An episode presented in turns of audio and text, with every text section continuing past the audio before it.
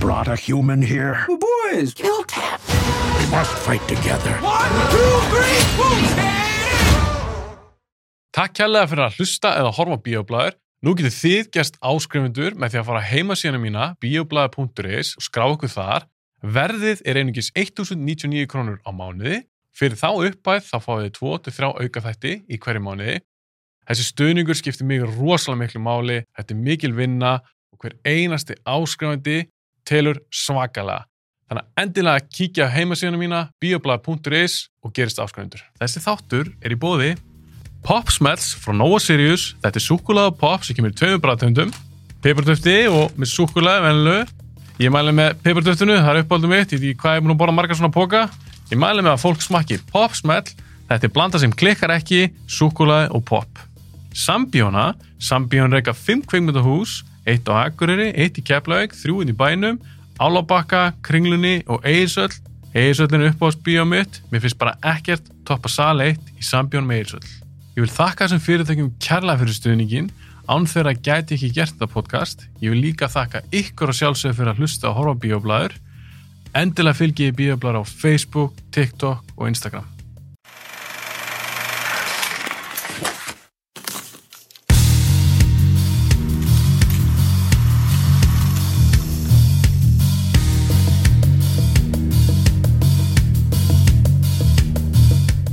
'90s, '90s og 10s, við erum búin að fara í 70s og 80s þetta er Warner Brothers Celebration þátturinn okkar eins og hérna uh, í sjónvarpinu Warner Brothers 100 ára gamalt eða þess að 100 ára gamalt stúdíu er að fagna hún 100 ára amali Celebrating Every Story og við ætlum bara að skella okkur núna í 90s við erum að velja fyrir ykkur sem að hlustuðu ekki á fyrir hlutan sem er þetta svona skrítið þá erum við í raun að velja eina mynd fyrir hvern áratug, við byrjum á 70s og- Trúga myndir fyrir 1990 Endum, hvað sér þau?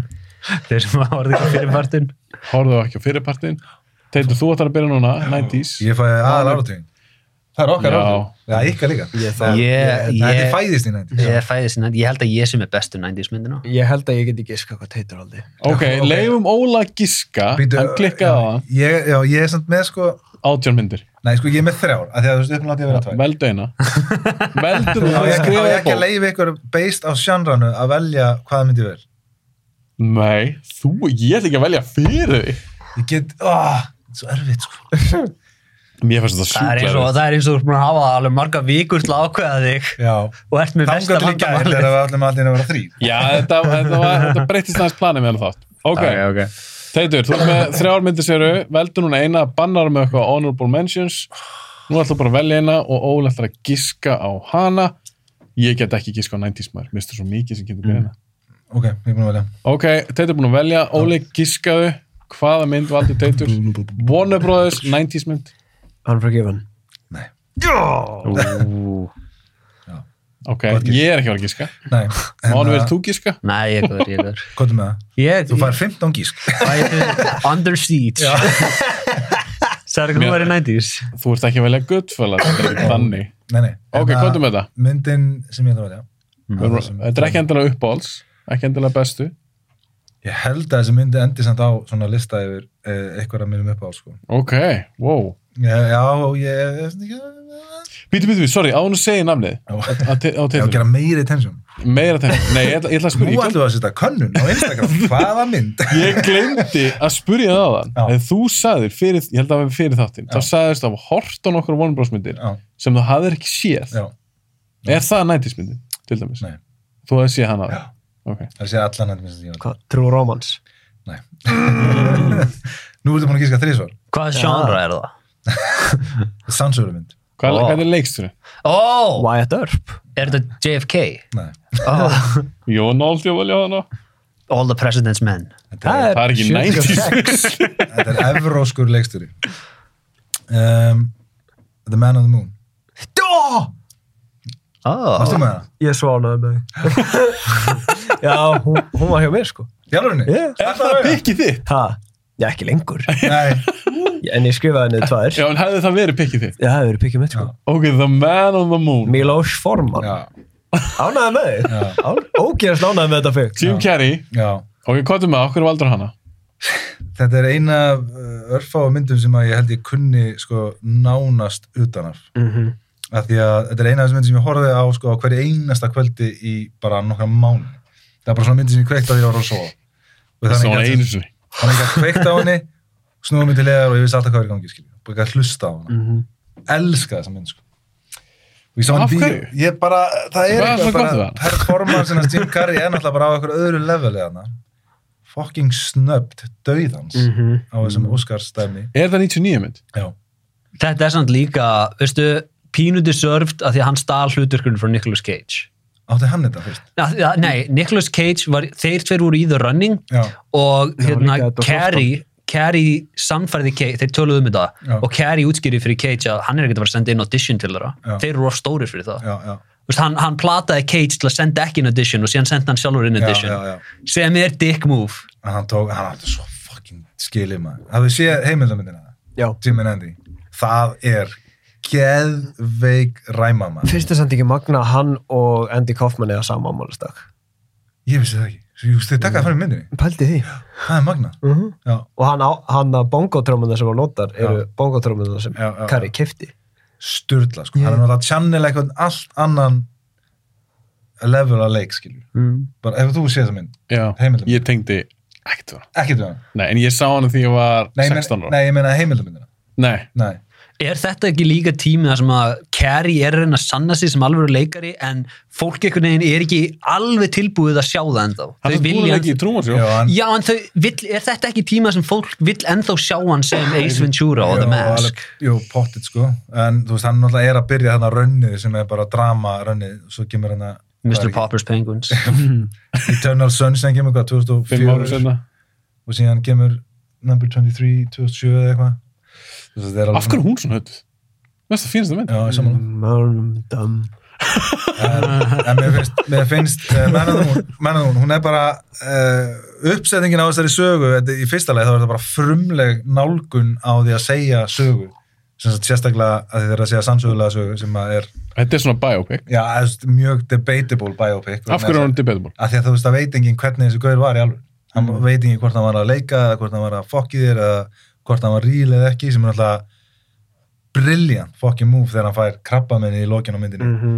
hvernig þau eru bara eitthvað, já, we can sell this we can sell this, hann er eitthvað, hey, no, it's, it's not a joke it's not a joke, og allir bara eitthvað "Æ, ert að jóka og trú- pappans trúur hann Mhm. ekki mammans, þú veist, sískina, það trúur hann enginn halda bara að þetta sé eitthvað svona master scheme að einhverju jóki skilja, þegar hann var náttúrulega ekki í rauninni ekki uppstendari, hann var ekki grínisti Hann var eiginlega bara svona tról. já, hann var eitthvað, já, hann var svona bara eitthvað svona Hann performance kallaði artist sig eitthvað. a song and dance man. já, einmitt, já, Æðislega saga þegar hann var með hérna dóttur sinni upp á sviði. Kemur það fram í myndinni?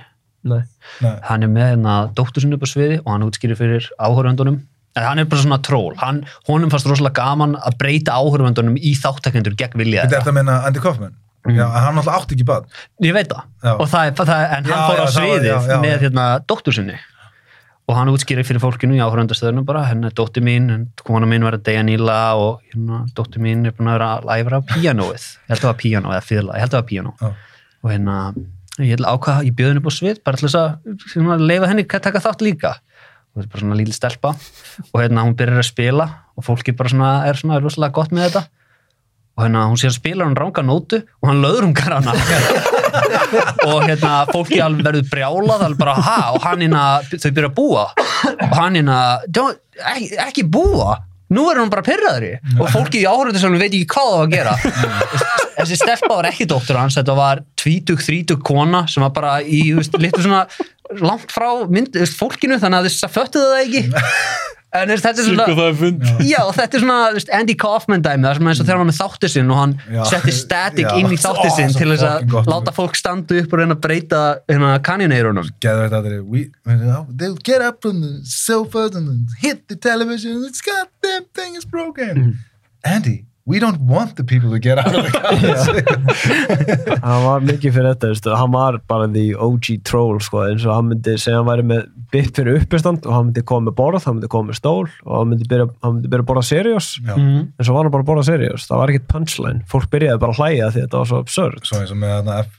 Scott Eh, eh, Scott Fitzgerald, já, já. það var bara þegar kráti var að byggja um eitthvað skilur eitthvað specifík eitthvað, þú veist, þá fyrir hann bara ágæðum bara frá að lesa skilur, svo lesa hann bara heila bók Já, hann byrjaði að lesa The Great Gatsby uppátt Já. bara í einhverjum skóla þar Já. sem hann átti að vera með eitthvað gig Fitzgerald Já, já, já, já Og þeir lag- eru ekki að tala með Andy Kaufman Jú, Andy Kaufman Jú, gerði Andy það. Kaufman. hann gerði Eh, F. Scott Fitzgerald skrifaði The Great Gatsby. já, og svo byrja, svo þegar þegar krátið er ekki að reakta eins og þú veist, það er- það er að byggja um eitthvað karakter sem hann vil skapa eitthvað, sem hann vil ekki gera, hann vil skapa eitthvað nýtt þá kemur hann með þetta s- stikk sem er skilur, að hann, hann telur hann að vera að hann sé breyti og, Já, og svo tekur hann upp bókina og svo lesa hann bara á bresku, eða, þú veist, eh, með breskum hreim og les alla bókina, Mhm. tæmir bara salin ég þegar ekki að gefa þessar myndan að séns Ég- þetta er fucking hún náði ekki inn hjá mér á hún sínum er tíma. líka bara svo ógeðslega beautiful sko. Mhm. þú veist, hún er svo heartwarming þú veist, hún er svo real einhvern hún veginn er þægileg áhorf já, og þú veist, byrjun á henni þú veist, þetta er bara einhver geggjaðasta byrjun af því að hún er, hún er svo perfect með hvernig karakter Andy Kaufman var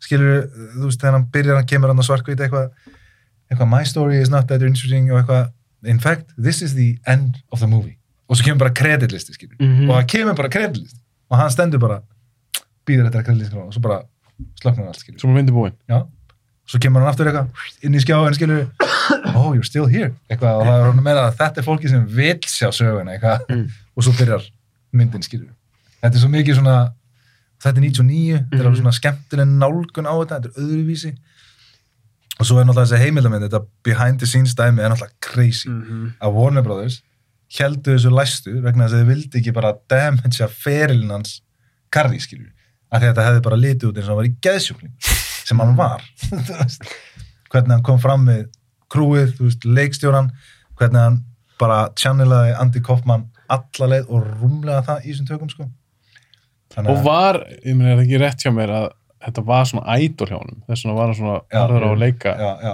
já, leika. bara held að hann og hann vil meina að Andy Kaufman hafi channelað hann í, Já, í, í, í sem, þú veist, hann hafi komið hann var inn í- dáin eða Já, ekki þegar hann hann er mjög dáinn. þannig að hann kom þarna, þannig að þú veist, hans uh, útskýning á þessu er að hann var ekki að leika Andy Kaufman þetta var Andy Kaufman var að channelast í gegnum Hann. Jim Carrey skilur. já, hann átti bara eitthvað svona spiritual awakening Já, bara, og leikstjórn, það eru svo góða senur þar sem að leikstjórn er að tala um bara hvað, ég, bara, hann er að vera geðveikur Mm. og svo ringir hann í Jim Carrey hann eitt kvöldi sem hann segir í myndinni sko, hann er svo geðveik og hann segir, þú veist, Jim Carrey er að segja frá þessu og hann segir hann ringdi eitthvað eitthvað, Jim, we have to figure something out og eitthvað, og hann segir, já, ég veit og sagði, við getum alveg breytt um aðferð I mean, I do a pretty good impression of them so we can do it like that og þá sagði Emilio Forman no, I just wanted to hear the real Jim Carrey don't change anything eitthvað, og svo kemur hann inn og heldur áfram í þessu craziness, skilju og hann meiri sér fór alveg það langt í að vera Tony Clifton líka Já, já. sem ég er gatti af insane Já, Nei. Tó- Tony Clifton var gæðin sem að hann lék þegar hann landi dó- dóttur já, sinna. já, Tony Clifton það og er var það ekki karið sem Kaufman leik Jú. það er náttúrulega geðveikt moment í, í, í hérna, behind the scenes þegar þeir fara í Playboy mansionið það er það, ó, það var með aðstofan með sér sem var alltaf, og þeir voru að svissa sko, sem enginn vissi í rauninni að þeir voru að leika báði Tony Clifton þú veist, og skiptast á og svo Jim Carrey bóðið í partí í Playboy mansionið og hann ákveður, ok, ég er í þessum tökum ég ætla að fara sem Tony Clifton og þannig að hann segir bara ég ætla að mæta, ég mæti ykkur gerðu eitthvað og svo mætir hann sem Tony Clifton allir bara eitthvað, og hann er bara eitthvað drullið yfir alltaf og allir bara nema svo mætir Jim Carrey Já. nokkrum, þú veist, hálftíma, klukkutíma setna bara inn í partíð, bara sem Jim Carrey og þá er alltaf bara, veitu hvað hvað er þetta? bara, ja, Tony Clifton og bara eitthvað hver var að leika hann þá? þá var það, sem sagt, gaurinn sem að var actual aðstofamæður Andy Kaufman sem var svona advisor á myndinni Já, Þannig að hvað Bob Smoot á það já, ekki? já og þá var hann að leika hann og hann var, hún var reikin út og það var alltaf crazy og Þú eitthvað veit það samt, þetta er gott gag Já. maður. svo tók hann líka ekki með hann þannig að var að berjast við, hvað heitir hann fokkin barða glímuköpinn hann Já, ekki, ekki Andrei, það var hérna, hvað heit hann? oh shit, ég man það ekki Það var Randy Savage, Hulk Hogan, nei, þetta var eitthvað hann var- Mm. Undertaker. Nei, hann var ekki svona mikið nafn en allavega þú veist, hann var alltaf þekktu fyrir það að hann var alltaf að glíma við stelpur vegna þess að hann átti ekki sjens í glímukappa þannig að hún langaði að glíma við stelpur og var alltaf að berja þær í spaða vildi vinna Já, en um að þú kemur þessi gaur sem að var náttúrulega bara twist, sko, þeir voru náttúrulega að vinna saman Jerry Lawler. Jerry Lawler, já, og hann leikur sjálf hans í mig og Já, hérna kemur hann aftur og erum þetta að tala um það í behind the scenes, sko, hvernig þetta, var- þetta er ekki rétt túlkun hjá Jim Carrey, þannig þess að þeir voru vinir og þú veist, bara það var bara allt behind the scenes voru ógsta góðu vinir og svo settum við bara upp þetta svona atvika þegar væri algjör óvinni og svo er ein sena þarna sem er að glíma sem er að taka upp sena sem er að glíma sem sagt, fyrir Man on the Moon og það er búið að segja að Jim Carrey má ekki gera þetta vegna þess að þetta er stönd og hann getur slasast og hann segir ég verð að gera þetta, ég verð að gera þetta, ég verð að gera þetta þetta er- þetta er rílu, þetta er rílu eitthvað og hann gerir þetta og lendir niður og svo feikar hann bara þessi átt og bara hann er tekinn á sjúkrabílum og hann er tekinn á sjúkrahús og það koma fréttir og það er bara headline news bara eitthvað Jim Carrey ga- alvarlega slasaður eftir stönd í Man on the Moon og eitthvað og hann liggur bara á hótelur og bara oh my god og hann er bara búinn að ná að fokkin eh, þú veist, ná öllum inn á svona Andy Kaufman channel sko. geðveik mynd ef það langar ekki að horfa á hann núna þá getur það hægt með þetta bara. langar ekki að horfa á hann núna Andy Kaufman, hann er einmitt svona fættur 50 árum og snemma Mm. hann, hann, er, hann er svona fyrsti 22 aldar maðurinn hefði það geta verið upp í dag upp í dag já, Já, því að hann, hann þú veist, fólk í dag, við höfum ekki svona sömu göfum en sko fólk hefði í gamla daga, það er allir svona kaltanir, það er allir komnir, það er allir svo ótengdir raunveruleikanum einhvern tíma- einhvern veginn, Mhm. en Andy Kaufman var þarna þú veist, fyrir 50 árum, Þú já. já, veist, hann var bara svona, hann var svo langt á undan sinum tíma, hversu svona laus laust en samt hart samband þess við raunveruleikan var. Mm. Já. Það sem hann gætt virkað í fimm mismunandi leiðurum af kaltæðinni Já. en samt verið döð alvara í gegnum þetta allt saman einhvern veginn. var hann vinsall á sínum tíma Já, hann, hann, Já. já. hann var sérstaklega fengið til að taka þátt í sitcom sem einn af karakterum sem var bjóð til Latka já, hann, við, að- taxi já, sem er samt örgulega minnst uppáhaldskarakterum minn sem Já. Andy Kaufman, að ég var ekki að hrifin á Latka ég, ég veist, það var með út af þessari mynd Man on the Moon, já, sem ég kynnti mér Andy Kaufman og byrjaði að horfa á Taxi Já, já. og Taxi er núna eitt af uppáhaldstáttunum mínum ever ég hef ekki horfað á það sko. og eftir að hafa horft á Taxi og horfa svo aftur á Man on the Moon Já. það er alveg ílur hjarta Já, sko. já. að, að því að sjá hann að compilationu þeir eru að gera alveg recreate to a T Já. eina sem er leðilt er að Danny DeVito er að leika alvöru, í taxi, já hann er að leika í Taxi en í Man on the Moon recreation þá er hann ekki í þeim senum að því Danny DeVito er að leika í þessari mynd, hann er að leika einhvern annan Já, bara- Ah, Já, George- þannig að- George þannig að and, við uh, missum svolítið af Shapiro þannig að við missum svolítið af karakterum hans í þessu compilation en að sjá Christopher Lloyd aftur og að sjá hérna Tony, Tony dansa og já. Þeir settu alveg svona elbow grease inn í þessu mynd þá. Já, Býtu, voru þeir sem sagt fengnir Já. sem voru í taxi, Já. þessi leikarar Já.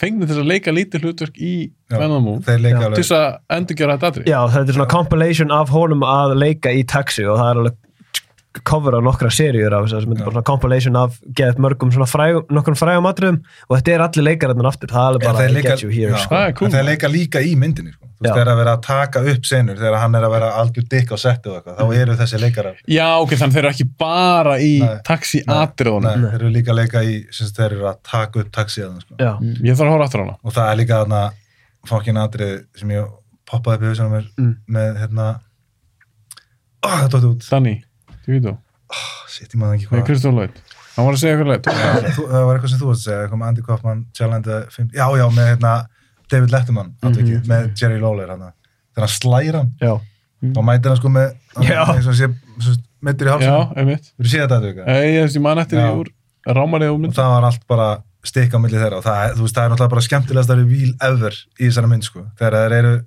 hjá David Letterman og David Letterman var fenginn til að leika aftur bara endurskapa viðtalið í Mhm. Já. rauninni.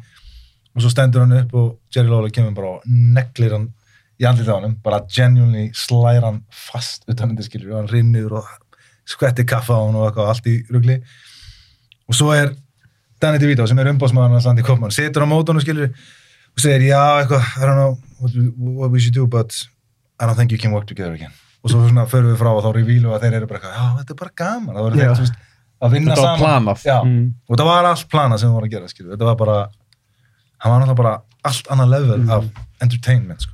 En ég meina, er þetta eitthvað svip og Joaquin Phoenix gerði þetta á tíðanbili? nei, þetta Þegar hann var eitthvað svona karakter og ég er eftir að leika og eitthvað nei, ekki alveg, ég myndi ekki þú veist, það er svo mikið Maður mockumentary, vissi ekki sko. hvort hann var að grínast eða ekki og eitthvað Nei, en ég get ímyndað mér að tökurnar hafi verið þannig Þú veist, fyrir fólki sem að var í tökunum get ég alveg ímyndað, ég meina hann mætti með Hells Angels á fokkin setti á lottið sko Þú veist, þeir mæta Ertu að tala um Fínus núna eða Kerry? Carrey. Nei, hérna Kaufmann. Kaufman, eða, þú veist, Carrey, Jim Carrey, Já. hann mætti bara í karakteri á sett og bauð bara Hells Angels liðinu bara hérna er catering hérna er VTR og eitthvað, það var bara leikstjórn og allir leikarnir voru bara, what the fuck maður Hafi, hafi samt tattúraði gauðra bara þú veist, allir Mhm. þegar, þegar leikarar fara út í svona intense, svona ég þarf að vera karakterinn, þeir gera þetta aldrei þegar karakterin er góður gæi þeir gera það bara þegar karakterin er svona pínu dick Já, já. að þið tekið eftir því Já, af því þið geta. Já, af því þið geta. Ég er ekki að það er testa aldrei, það. það er aldrei, já, hann var að leika Ned Flanders og hann, hann bara, hann byrjaði bara með í kirkjunu, hann bara Já, byrjaði já, að já. gefa hellinga fólki pening og hann bara geði þetta hann vinalegur splæsti pítsu á krúið bara hver einsta dag þá fór hann, hann hjálpaði gr- hérna gripunum og hann bara gróðlaði vinalegur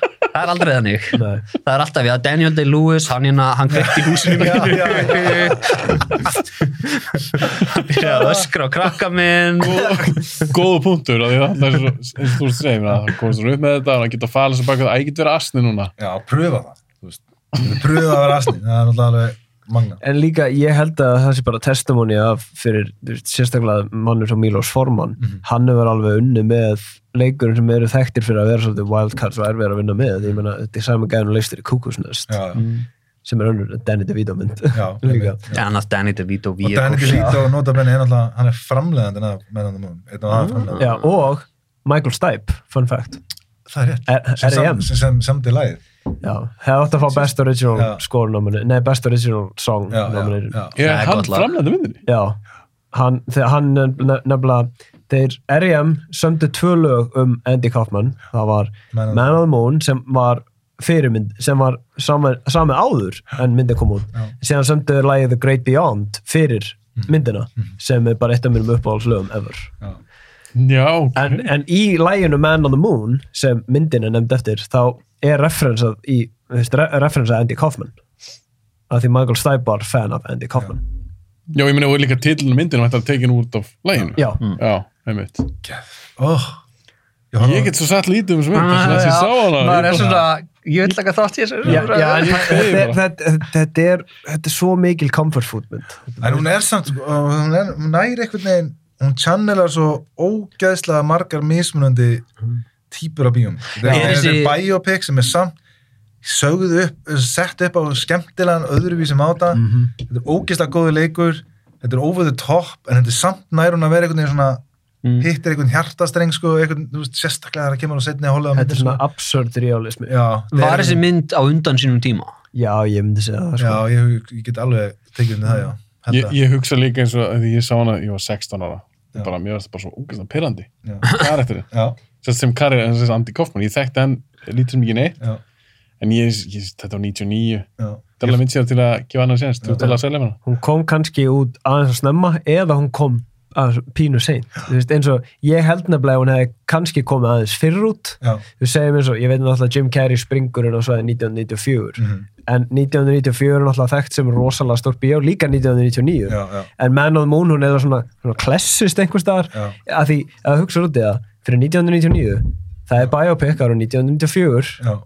sem Já. klessist út það er Ed Wood Já, já, þetta, er svona, þetta, þetta er svona þannig þetta er, hverfa bara svolítið svona Eða já svona- að því þetta eru þú veist, Ed, Ed Wood og Man on the Moon eru superb bíómyndir þú veist, eins og Ed Wood er uh, náttúrulega, Masterpiece. að- að mínum að einn bestu mynd á þetta tíma það er náttúrulega hot take kannski en, Geðveikt. en þú veist þetta er með allar iconic myndar sem komu 1994 og 99 þá er alltaf svona þú veist, Ed Wood er svo mikil hidden gersemi og ég hef, ég, á- ég hef aldrei kynst manneski sem horfði á Ed Wood og líka ekki við hana mm. og, Jó, en sa- samt svona pínu kannski gleymist Já, hún bara, hefst, bara, svo- bara eins, og hún, eins og hún sé bara svona eins og hún var bara svona ítt í hornu og dreigi fyrir Já, mér finnst meðan að múin vera þarna líka það eina sem einhvern veginn sem hefur resurrectað hana kannski aðeins en þetta þessi heimildum Já. á Netflix sko. Af því Já, að hún er frekar nýlega þegar ekki en, Jú, hún kom bara í fyrra eða hitti fyrra Já, Var það? Það kom Já. líka út 2019 eða hvernig Já. ja. þinn maður Timothy Olyphant talaði um hann á Conan Það var verið 2020 Já, kannski. það er ekki Þetta- verið. Það er fyrir COVID Já, þetta er ekki 10-15 ára síðan Nei, Nei.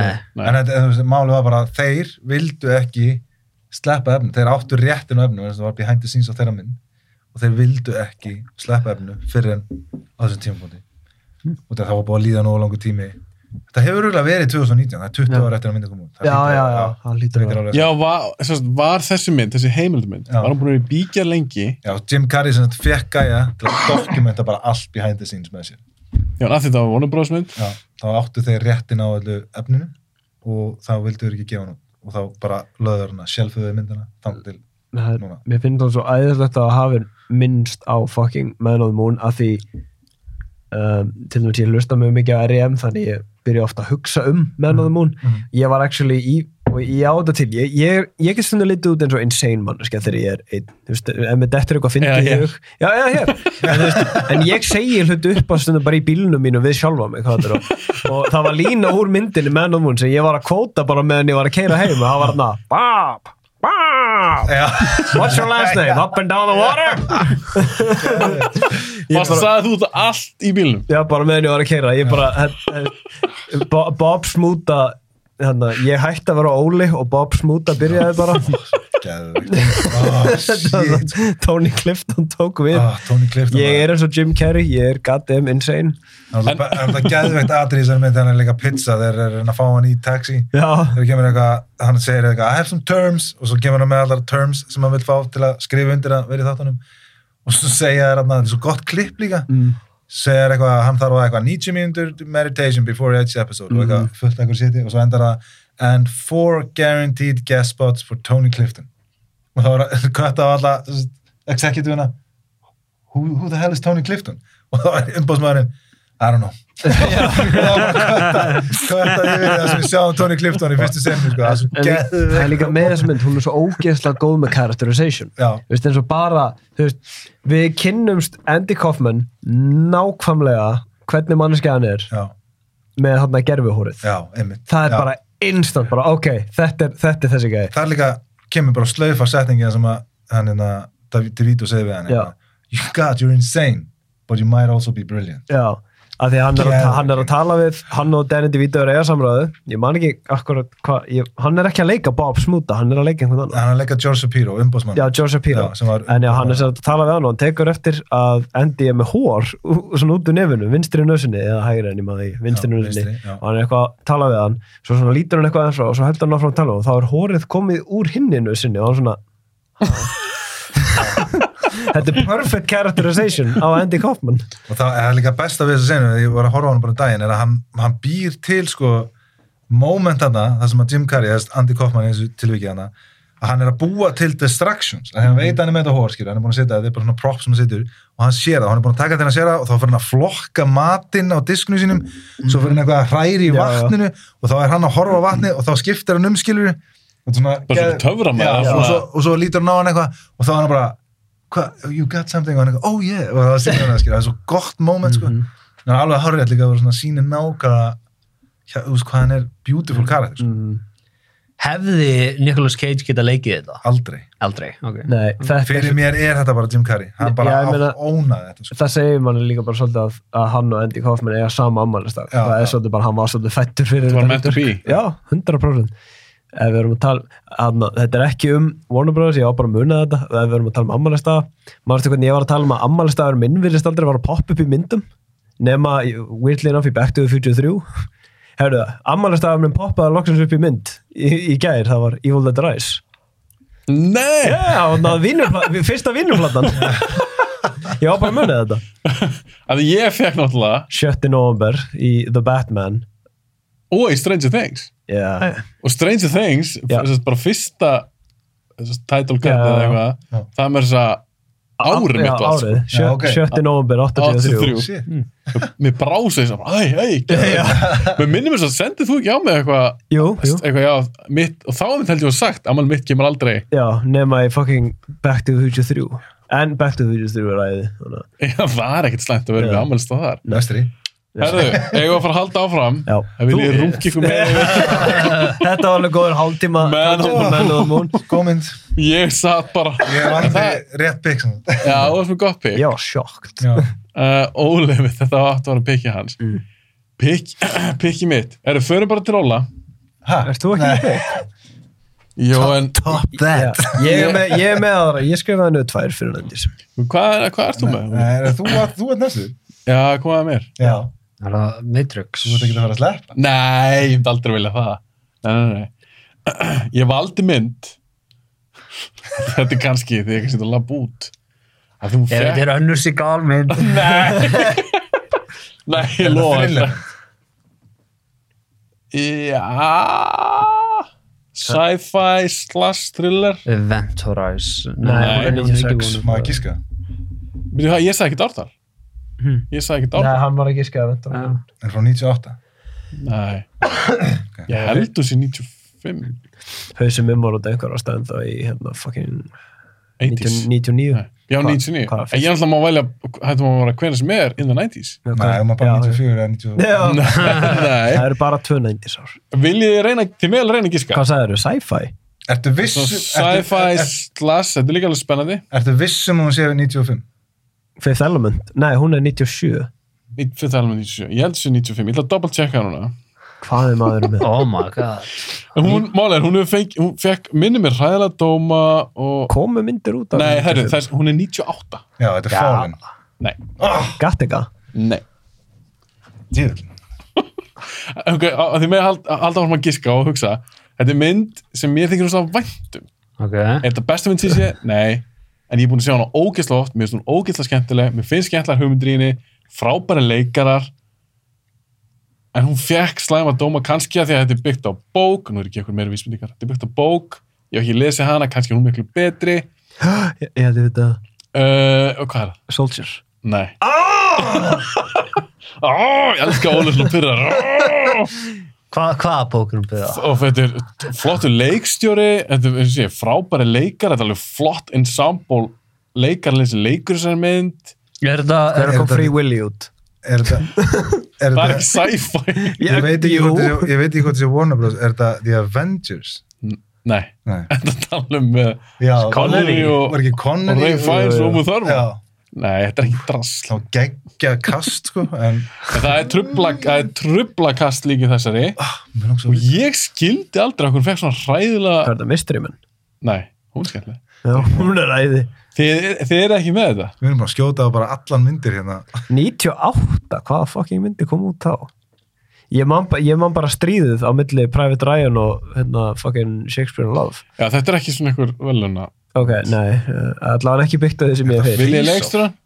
Hvað sér? Face Face Off, Nei, er hún ekki til sjö líka? jú, Nei, þetta er ekki feysa. Nei, já, 97. Vil ég leikstra? já, please Barry Levinson? Toys, Nei, nei, það heitir var Barry 94 Double checka. Barry Levinson, 98? Við hann, Byggt- Byggt á eftir bók. mennum black. byggt á bók. við, þetta, er ekki, þetta er ekki Toys, Rainman er 88 98 myndið þau Barry Levin nei Mér fannst þess að mynd Hann gerði komin Men in Black líka, eða ekki? Nei, það er nei. Sonnenfeld. Það er sonn... Ég ruggla þeim samt ógeðsótt Býtu, saman. býtu, Ha? Barry Sonnenfeld og Levinson. já, Viljið þið vita aðalegra? hvað er með það? Viljið þið vita hver skrifaði bókina? Hver skrifaði bókina? Michael Crichton skrifaði bókina. Ah, Jurassic Park 2. Nei, það er 97. Spielberg. Michael Crichton Uh, Þið sem eru að hlusta, endilega takið þátt í þessu leik og reyna að gíska á Pótum myndir. er auga hérna Ég hef örgl, máli, ég er búin að tala, tala svo ógæslega mikið um endismyndir í þessu podcasti. Við sem mjög líklega ég hef ekkert að nefnt þessu mynd, með minni að nefnt hann í þetta með kíló. er þetta... Ah, Hvað heitir Svarsenegger myndin? Er þetta hún? Nei, Já, ok. Alveg, aðalegarinn þessar mynd, sem er svona, já, aðalegarinn, er Dustin Hoffman. Og þú ert alveg vissum að það er ekki reynmann. 98, Dustin Hoffman. meet the fuckers. Wag the dog. Nei, nei, Nei, nei, en það er lögum svona, ekki? það. Jú, Já, ég veit, ég, ég ég, held að... ég, bara- Vá, þið er ekki þessu nálægt Við, þessu. við erum sigraðið, ég sko. bara hugsa að ég sæ... Sharon Stone leikur í henni Samuel L. Jackson leikur í henni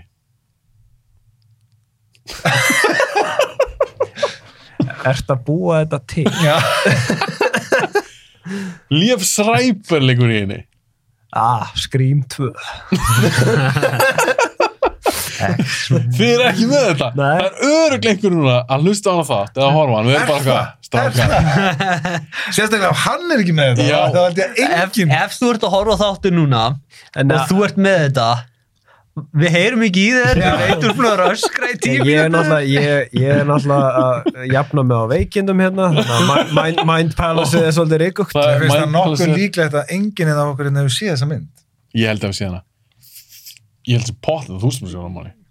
Þú er svona sci-fi nördakall Ég er át Þetta er myndin Sphere Já. Já, SPHR. Já.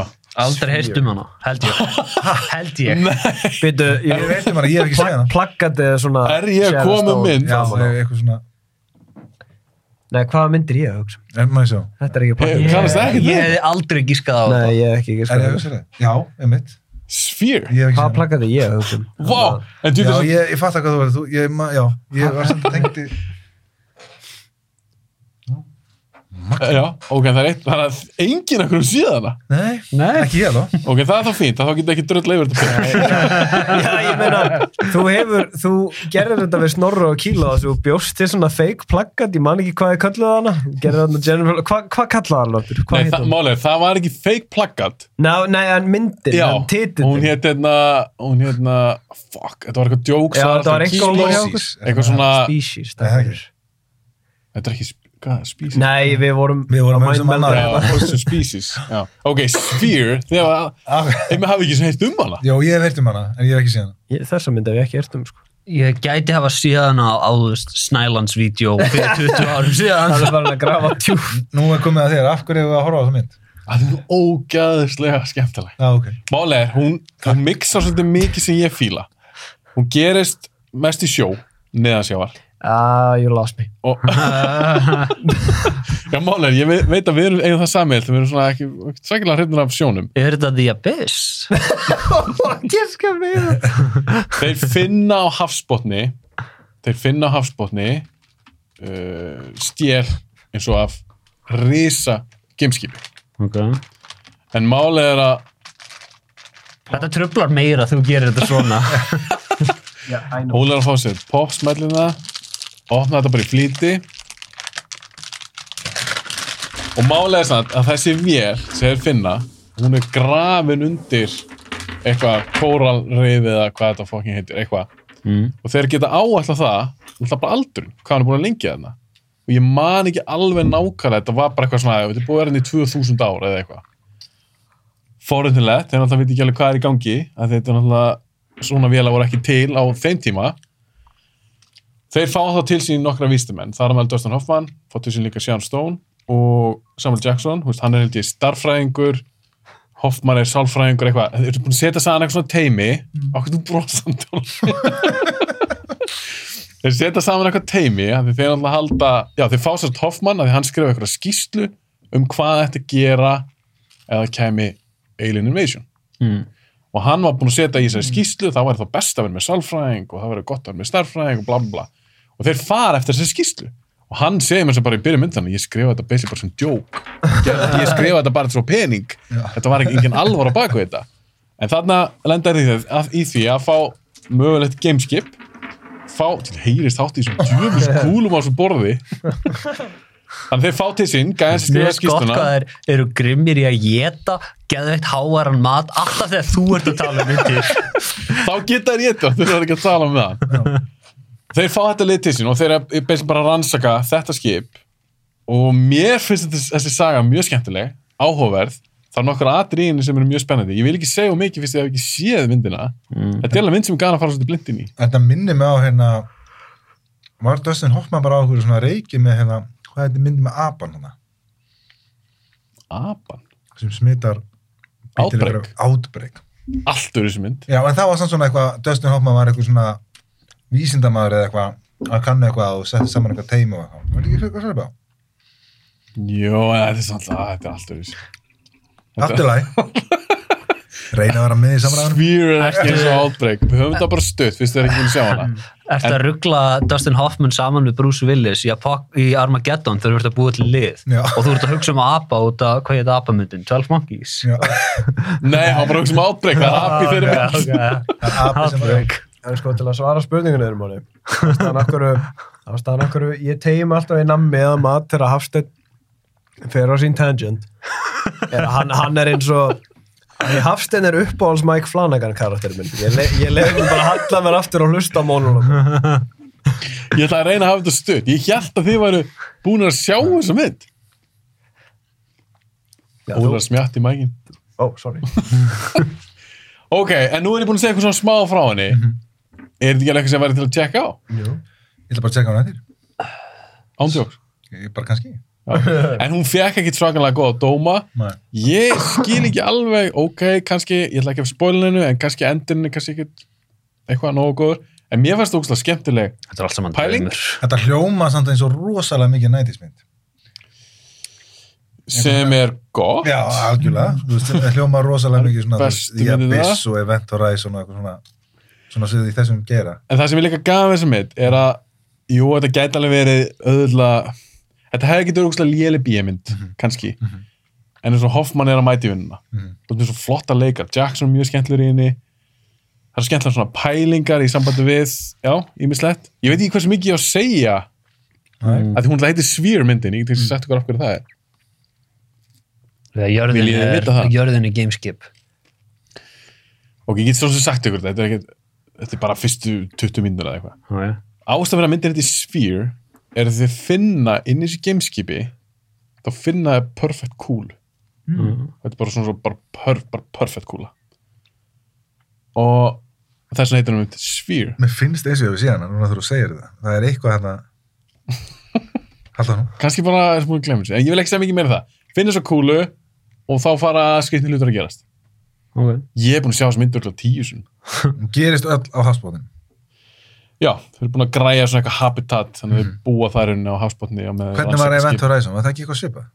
neða, geimnum, Það var í gem... gerist í geimnum það er miklu meira horror mynd, þetta er meira svona Nei, ég fyrir ekki, ég er ekki, ekki Event Horizon, hérna, hérna, hérna, Cameron hérna, Abyss. Já, það var eitthvað svona, þau voru búin að búa sér til eitthvað, Mér finnst þessi, þetta er kannski hot take, mér finnst þessi skemmtilegna Abyss. það er svoleiðis. Já, það er Já, svolítið, en að skemmtileg. Abyss er ekki mynd skemmtileg. Hún er góð. Hversu margir leikarar druknuðu næstu við að taka upp svír? Það er Í greið. svýr.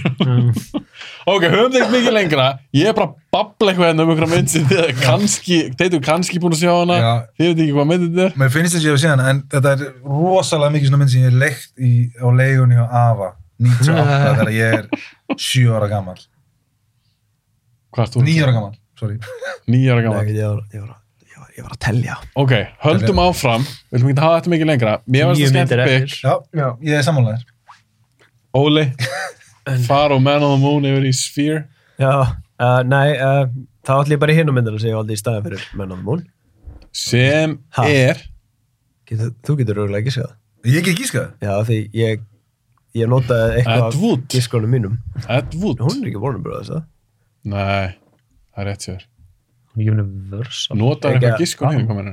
Ef ekki bara, Segja það. ne- jú, jú. Þurfum ekki að giska, drýjum þetta bara að stað. Ég held að þetta sé- þetta er þriðja Clint Eastwood myndin. Ég er svo Warner Unforgiven. Brothers Tangers. Þú erum Unforgiven. Unforgiven. Ok, Ég var ekki með hann. Já, já. Gæðveik mynd. Unforgiven. Ég nefnilega held sko, ég veit ekki hvernig en ég, ég held að þú myndir segja Unforgiven, þannig ég á með Man of the Moon Já. þess vegna var ég svona flabbergast þegar þú sagði Man of the Moon því ég bara, hann fæ ég Unforgiven Magnað að Clint Eastwood er með representation og öllum áratugan. Já, Við skulum Já. áttaða hvort það heldur áfram. Dirty Harry og Josie Wales og núna Unforgiven Nei, við, við, við, ekki, hvað var 80s? Þú varst með 80s. Nei, já, með Josie Wales Var í það 70s? Já, ok. Já, nei, Eastwood var ekki með 80s Eastwood sökkaði the 80s.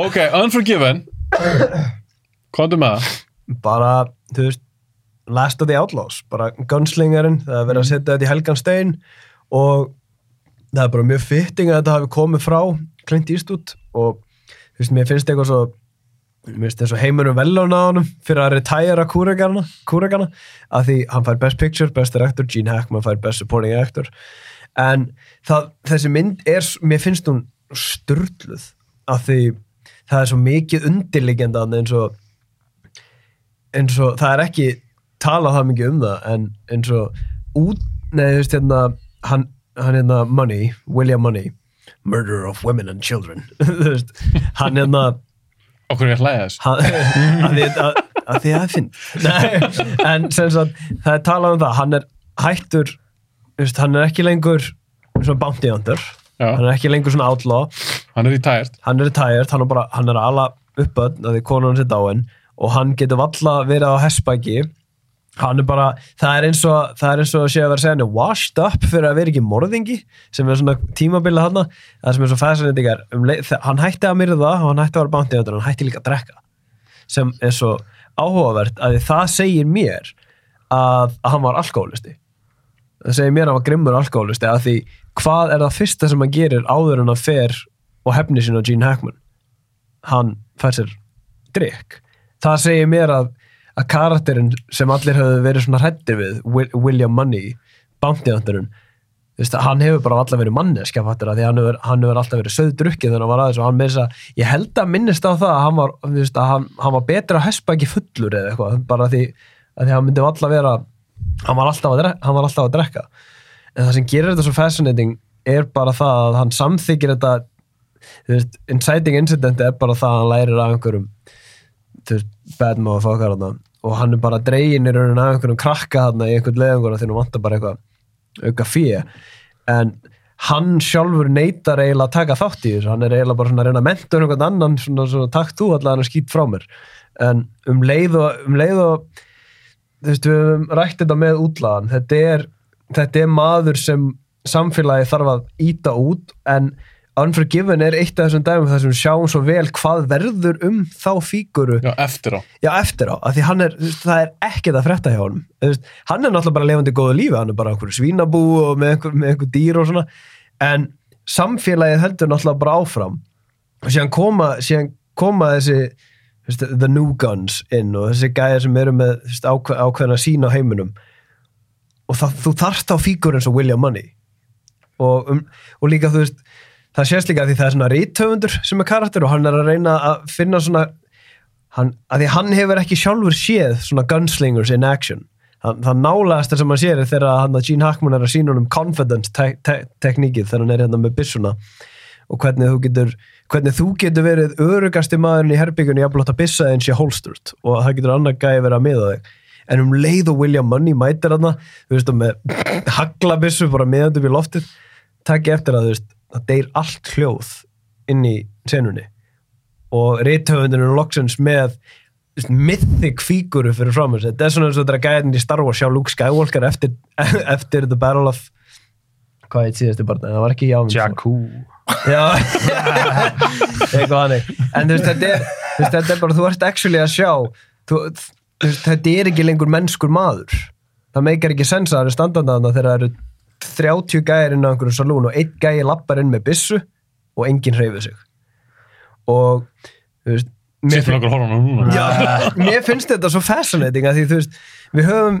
það nálast sem við höfum séð er náttúrulega það sem Unforgiven gefur okkur er þetta svona svona neo-western deconstruction á ákveðinu tegunda hetju, við höfum séð þetta í til dæmis Last Jedi með Luke og við höfum líka séð þetta í Logan, að því Logan er Wolverine, ef Wolverine væri William Money bara þú veist, einhver skeppna en, en svo líka um leið og hann situr hann að dröggið í sig hann svo hann, þú veist, Berserk senan í Logan Já, Þe- þetta er það sama fyrir utan að þú veist, Unforgiven er ekki actionmynd nei, og líka er það nú kannski að svipa þannig að hann fæst sér þá vín. Eða Þú veist, bara, mannst ekki þegar hann hérna stera sér loksins og Já. fær kraftan hérna Í aftur lokin. Þe- þetta er bara svona alveg Jesus Christ alveg, þetta er, þú veist, það er einn gæjan í bakgrunn sem er bara að öska, it's Wolverine þú veist, þeir eru vita, við erum fucked bara, það er ekkert sem við getum gert lengur bara, Mm. William Money er mættur við erum döður, that's it En var ekki, að svolítið síðan ég sá hann fyrir gefin, var ekki svona Hackman líka alveg bad motherfucker? Jú, hann er það, en, en málið er að hann var, þú veist, hann er eiginlega bara of stór fyrir sig, af því hann er, hann úsar confidence og hann, er- en hann er svo mikill tyrant, hann líka, hann kemur hann að William Money þegar hann er hann á barnum, en William Money er ekki að fara sér að drekka, hann er bara með byssu og hann, þú veist, sparkar honum um og hendur honum út, en svo, en hvað gerist um, þegar hann sér hann koma aftur og hann sér, þú veist, hatrið í augunum að þá þá slöknar á honum, af því hann veit bara, ó, oh, crap, ég séð á honum, hann er að fara að drefa mig. Ég er fucked. ég bara, we're done, Þið hafið síðan fyrir gefin, ekki? Jú. Já. Þannig að já, það er þe- svolítið síðan í sána Sama hér. þannig að já, þetta var bara, þetta er mitt input fyrir Unforgiven. Er þetta, átti ég að spyrja þig, Óli, er þetta, besta mynd í heimi er þetta þínum að því, ég veit að þú er búin að sjá marga af þessum Ístúð vesturum, Mm. er þetta besti vesturnas, er þetta uppáhals? Uh, mér, að, ég veit ekki, ég- ég, sko, ég er rosalega mikið í þetta að fara few dollars more. Ég líka more. elska þá. já, ég, ég myndi segja að fara few dollars more og svo Unforgiven að því mér finnst, ég sverða það komið tár mér finnst, mér finnst að báðar hafa þetta umf í, í lokin. Það er bara þú veist, það sem þú ert bara glúd og þú veist, þú ert ekki lengur að horfa á mynd, ég er að horfa á listaverk. Það er bara, það er allar myrkraði tíma. Svo ertu með náttúrulega Morgan Freeman, Gene Hackman. Morgan Freeman sagði vist, ef ég maður rétt, hann sagði vist við Ístúð bara, ef þú ger hana vestra, þá er ég með. Mér er alveg sama hvað ég er að fara að leika, ég er með þeirri mynd.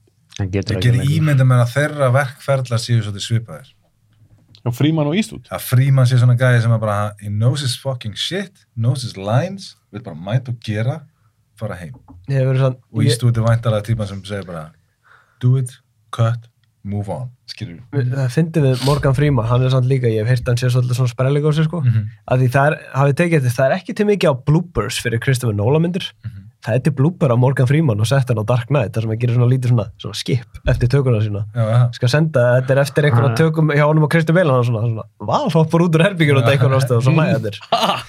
En Morgan Freeman, Já, bara hann, að því hann má þetta. þetta er Morgan Freeman. shit, ég er hann að segja það fyrir mér, hann eitthvað, uh, Gerir djók svona, hann eitthvað. gerir svona lítið svona skip, það er mjög fyndið. Unforgiven, þetta er mynd sem við langar rosamikið að sjá og, þú, þú sé hana já, ég þess að sjá Já, aftur, aftur. fyrir ekki sjá aftur. Ég, ég hugsi ég samt bara síðan og svona þvist og þrisvar. ég hef sé hana einu sinni, Ég sá hana fyrst bara fyrir nokkrum mánu síðan sko. Þetta er flott mynd, ég var aldrei alveg að því ég er svo, ég er svo mikill fór fjúdólas mólmaður ég þarf að fara að horfa á hana maður það er bara, Shit. Jesus maður Það er, það er Fucking- málverk. og Lee Van Cleef í þeirri mynd. Það er ekki margir sem geta að mattsa í stúdi bara að vera cool, já, hann er motherfucking cool í já, þeirri mynd. já. En, Hann er svona eins og Timothy Dalton. Hann er með svona ofbeldi á Já. bakið augun. hann líka leik oftast vondakallin. Er það ekki Hann rétt? er- hann er Lee Van Cleef? góður í einni af hérna dollarsmyndunum, eða ekki? fór að fjú dólarsmál þar sem hann er góðu gæðin Já, eða svo- smá, eða ekki, sm- þetta er mistur eiginlega báða svona anti-hero pílu. já, en, þú veist, en Já, hvað hann er er- það já. með villain Já, já, emitt, af því þeir náttúrulega er á móti öðrum sem er Yeah. villan. amazing Þetta er svo góð mynd, en eins og mér Unforgiven, það er alveg líklegt vonandi að bíotöfra sína hana. Svo bíoklubburinn, já, ha. mér það er líklegt, við maður að sína einhvern vestra, ég vil samt sína for a few dollars more, E, Uh en það er líka, það, er- þú veist, þannig ég er svona að pæla hvort ég býða þess með að horfa aftur á Unforgiven, af því mér langar rosa mikið að rifja hann upp, svolítið sinni sá hana, og fá að sjá hann í bíó, ég sá hann aldrei í Já, bíó. svo til. náttúrulega. ég verð þá að senda þetta að tala um hvernig ég er ekki að vinna svo ég geti Svo mætt þú getur Já. mætt ok, og halda áfram Máni, Við getum aldrei áfram. klárum 90s Sterkar, sterkar myndir frá öllum. Ekki nógu sterkar, Ah, segi svoleiðis. ég. Ekki það nógu er sterkar, það þú segi að ég. fara í ykkur að sleggju Ég er með, held ég, ekki endla, uh, besta 90s myndin.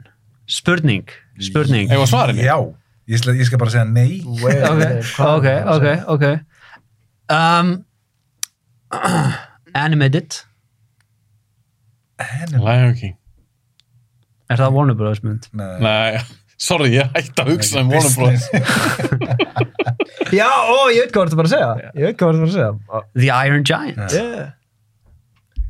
ég hef ekki síðan ekki besta 90s myndin, Mjög góð hún er mjög góð ég ánaður með því að velja teiknumynd Já, na, það er ég hef ekki ballsy move. séð hana síðan ég var krakki, hún kemur hvað 98, 97, 99. 98 99 eða ekki? hún er alveg þar, já hérna Þetta er náttúrulega Brad Bird komin af The Simpsons Þetta er áður en hann er The Shit hjá Pixar Hérna um, Ég var uppræðanlega að hugsa, ó já, Mask of the Phantasms, það er ekki það góð mynd, en síðan hugsaði ég, nei býtu, það er önnur teiknumynd frá the 90s, The Iron Giant, er það Warner Brothers, er það Disney? Það er Warner Brothers.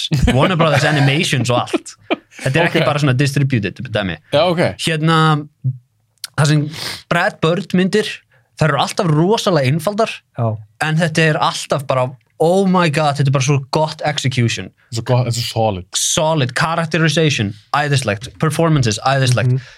animationið, gorgeous Ma, það er einhvern veginn, hann getur ekki klikkað nema þegar hann gerði hérna Tomorrowland hvað klikka, það er maður Dylan Damon Lindelof skrifa En hún Eh, hann var yeah. svo, yeah. hún var svo döll var ekki hún sem Sú var skotin hér Nei, það var Oblivion Oblivion eða var eitthvað skotin. svoleiðis. nei, það var er, nei, Tomorrow War heitum við það Já. já, það var eitthvað skotið hér já, sorry, En já, hérna hafi ekki allir séð Iron Giant Jú, en það er mjög langt síðan Gert svona eftir henni, ég ætla bara að mjög segja langt þetta. síðan svona ég Þeir- get alveg þeir- sagt ég hafa ekki síðan þeir vitni í hann í Ted Lasso Þú og Ted Lasso í serið 1, nei, þessi er tvöðu já, ég er ekki búið með serið 2 það er mjög fyndið aðri En já, hérna Iron Giant uh, Örgulega besta Superman myndin já, ég var búin að segja, ég hef verið til í að Brad Bird myndi leikstra súpa Já, fá, Það er fá, alveg. fá hann fyrir James Gunn Superman myndana já Gunn alltaf svona leikst Gunn allar að leiksturinn sjálfur en Já, já, hann var, hann var búin að Búið að konfirma að staðfesta leikstinn. það. Ég held að hann ætlaði bara, ég held að confirmation, ég var að rugglast, ég held að confirmation verið að hann væri að skrifa hann og bara. Bæði. Ok, sorry, Máni, halda áfram Ég veit ekki hvað meira maður getur Nei, sagt nei, þetta annað er- er... bara, þú veist, þetta er Þetta er góð mynd, ég man það, mér fannst hún góð ég þarf samt að reyða hann upp En það er líka bara, þú veist, það- þú veist, við getum bara að tala um Brad Bird, eitthvað svona smá, að því, það, það sem mér finnst svo skemmtilegt við myndirnar hans þú veist, sérstaklega teiknumyndirnar hans er hann er með svo interesting til að sína characterization eins og við vorum að tala um hann með Andy Kaufman og með hórið það er svona lítur moments hjá karakterunum þar sem þú veist, þú fær bara svona þú veist það er svona, ah, ok þú veist eins og í Incredibles ég, ég gleymi því aldrei til ég var að eða, veist, það eru svona, það eru aðtrí bræðbörnmyndum sem ég man alltaf eftir að hafa séð í fyrsta skiptið það var þegar hann setur skiltið á sig og kallaði sig Superman í Iron Mhm. Giant, það er í Incredibles þegar Dash hérna hleypur á vatninu og hann er ekki búin að taka eftir að hann hlaupandi á vatninu, hann lítur niður og hlær og, hann- og síðan hleypur hann hraðar Þetta bara Það svona- er mjög eftirmileg. Það Já, er eftir að segja en þetta það. er bara svona wow, djöfnir þetta gott characterization mm. veist, að því Brad Bird veit hann, hann, svona, hann, hann kann að kýtla þessa tilfinningu í manni, bara svona, ah, ok Af því Þú verður svolítið með Dash. bara. já, Veist, að því hann er bara allt í hennu hlaupandi á vatni en um leið að hann fattar það, þannig er, þú veist, hann, er svo, hann er svo ánæða með sig að hann hleypur hraðar maður Já. er bara svona, oh my god, þetta er fucking brilliant þannig að bara, það er eitthvað það er eitthvað við Brad Bird það er, hann þetta er hefur svona- líka hann hefur líka uh, svona amerikana Mm. svona stæl einhvern veginn svona, s- ekki endilega small town amerikana en myndirna hans eru mjög svona bandarískar í andanum sínum þú horfir á Incredibles og þetta er bara þú veist, þetta er Atlas Shrugged nema overhead þú horfir á The Iron Giant og þetta er einhvern veginn þú sér þess að myndi ekki geta virkað neinstar annar staðar enn í bandaríkjunum En Ratatouille. hún er náttúrulega Ratatouille- gerist í Fraklandi hún gerist í Fraklandi En er þetta ameríst Frakland? Nei, Jú, að því að þetta er náttúrulega líka na, everyone þetta- can já, já, cook já. En var þetta ekki samt líka með Ratatouille? Kom hann ekki seint inn í ferlið? Það- Mér minnir að annar leikstur alltaf að gera það. Jú, það var eitthvað hann það var í fyrsta sinn sem ég lærði að animated myndir eru með quote unquote set mér finnst það alltaf svo wild að vita ég bara, svona, hvernig, hvernig virka það að því, að því það, er ken, Ah. það er kenning í Ratatouille að ástæðan okkur hann kokkurinn hann Ant Anton, ég man ekki hvað hann heitir Gustaf eitthvað hann nei, Nei, nei, nei. hann gaggrinandinn Já, að því húsið sem sést í flashbackinu hans er svipað og hérna, annað hús þú veist, hérna, þegar hann fær sér að borða hérna, matinn í endanum á myndinu þegar við sjáum flashbacki þá er þú veist, hérna, locally er húsið mjög svipað og sett í byrjunum á myndinu þannig að svona, ah, ok, þannig að þú veist, þetta var svona að reyna að tengja einhverja tvo hluti saman en Brad Bird sagði nei, þetta var bara eitt af settunum sem við gáðum notað og ég er svona, hvernig, hvernig, hvernig mega það sens? Hann þá væntalega að tala um bara svona digital asset. sem já, er já, með. já. En, en það var í fyrsta sem ég vissi alveg ok, animated myndir eru með set Það er bara segir, svona- segir hann að það er það sem að þess að gera það sem ekki að framhaldsmynd Mm, Já, geta not, þeir geta Já. og not, þegar hún endur kostar nota. bara helmingi minna Já. heldur en fyrsta, Nota bara- en græðir jafn mikið Mhm. Og það er líka sem gerist með effektshúsin. Við minna að vera Martin sem kom til minn, sem er visual effects skur. Mhm. Að þeir bjóða oft í myndir. Mm. Það var að gera eitthvað að gera Spiderman eða eitthvað. Mhm. Bara hey, Sony, við hérna Sony Imageworks, við erum með uh, við erum- 40 tólur sem geta Við renderað fyrir höfum ykkur Times Square, allt uh, 3D í setup, bla bla bla þannig að það er ódýrara, þetta er eiga til eitthvað svaka Ég er alveg á því, ef ég fengi að stjórna Netflix og nú erum við komin út í þetta ef ég fengi að skemma skemma Hollywood jafnvel meira en það er skemmt Þú veist hvernig fólk er alltaf svona sponsorship dealar þar sem að hann, James Bond þarf að vera með þetta úr og Svona bíl. Mhm. Dwayne The Rock Johnson þarf að drekka þetta kók eða eitthvað svo leiðis Ég myndi láta hann drekka bara úr svona grínskínir skrínflösku og þegar ég sel myndina til Netflix bara því með hafin í tvö ár hérna, það ætla ég að vinna með sponsor og við CGI-um bara sponsorshipið eftir á eins og þetta Big Bang Theory plaggutin í bakgrunum Já. við getum uppfært þau after the fact að því að, ó já, Mhm. Infinity War er að koma í bíó þá setjum við Infinity War plaggut að þeir eru svo hæpaðir í hana Þetta er þetta briljant hugmynd fokkin góð hugmynd sko. yeah. og þetta er svona lítið CGI skilur þetta er ekki eitthvað svona þú veist risa þetta er bara og þetta eitthvað er svona, þetta er svona auka fjármögnunartekník Já. og þetta er potið þannig svona visual effects að maður tækir ekki eftir í. Nei. Nei, ég, já, ég segi það Myndir aldrei spá í. Nei, þetta- Eh. fokk maður, þetta er brilljant hugmynd maður. Máni, þetta er góð hugmynd hjá þér ef þú myndir, ef þú lendir þú í verður þessu. að- þú verður að trademarka hana núna Herðu, eigum við að halda áfram svo við náum að klára þetta svona á þokkunum tíma hvernig væri það? Iron Giant, þú veist með það, það er síðasta nættismyndin Förum í Naughties, er það ég sem byrja þá? Hmm. já, ég, ég var 70s, 80s, 90s þá byrjar þú í The Naughties Ég valdi ekki bestu myndina, ég valdi mynd sem ég horfði á bara fyrir stuttu síðan og ég hugsaði mér, hei, það verður gaman að hafa þessa bara með það því að þetta er svona lítil sæt mynd ég var rosalega mikið að fatta það núna ég er bara með eina mynd af þessum áratu Hmm. Ok, þannig að það er eins og þú ert Þú ert aldrei með sömu seinastur. mynd. my god sko og þú er seinastur. Og já, ég Þú segi Engar ágjör, engar ágjör, þá var ég með, ég er með backup sérna fyrir þig. myndi sem ég valdi, ég minna alltaf að fara aftur í gískleik Þú verður að gefa okkur eitthvað. Já, að sjálfsætli gefa ykkur eitthvað Hvað- hún kom út árið 2003 viljiði leikstjóran eða viljiði leikaran Looney Tunes back in action. til að doppel checka Loka, það loka gísk. já, 2003 Hann sagði já. og þa- þetta er mynd sem að ég hef séð nokkur sinnum í, í gamla daga þess að hún er verið 20 ára núna í ár Já. svo horfði ég á hana aftur um daginn með kærustinni, hún hef ekki séð hana og ég hugsaði með leikarsleikur aðalstrykki, hann á bara verið svona myndum Mm. hann á ekki verið í hasamyndum það búið hann að tróða hann með einhverja hasamyndir mér er aldrei þótt þessi leikar að virka í hasamyndum Mm. hann á bara verið svona myndum, þetta er bara svona lítil sæt, dramedy mynd Er þetta eitthvað svona Jude Law dæmi?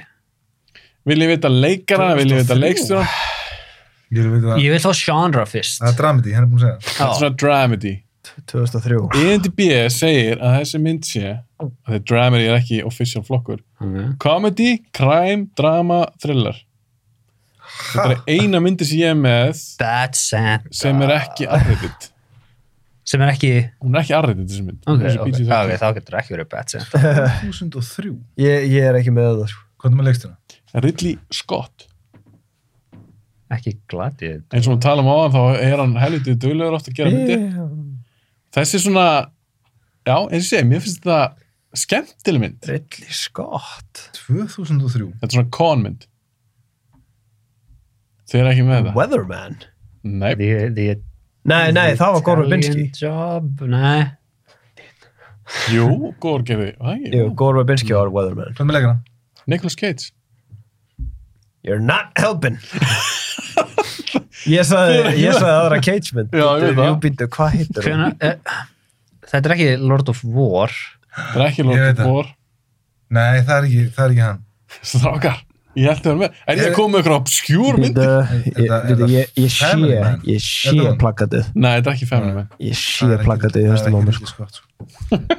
ok, við kannski bara halda Já. áfram svo takk ég endalsa tíma, þið er ekki með þetta Nei. þetta er myndin Matchstick Man. Matchstick Man já Óli náði þessu Ég, ég, var, ég var líka með það, ég var líka með það. Á síðustu segundu. Það er svo langt sinni síðan að maður. Og ég sá plakatið í höstum á mér. hafið sérst allir síðan Nei, ég hef ekki séð. Ég, nei, sa, ég sá hana, ég öruglega stutt eftir hún kom út. Ég hef ekki séð hana síðan.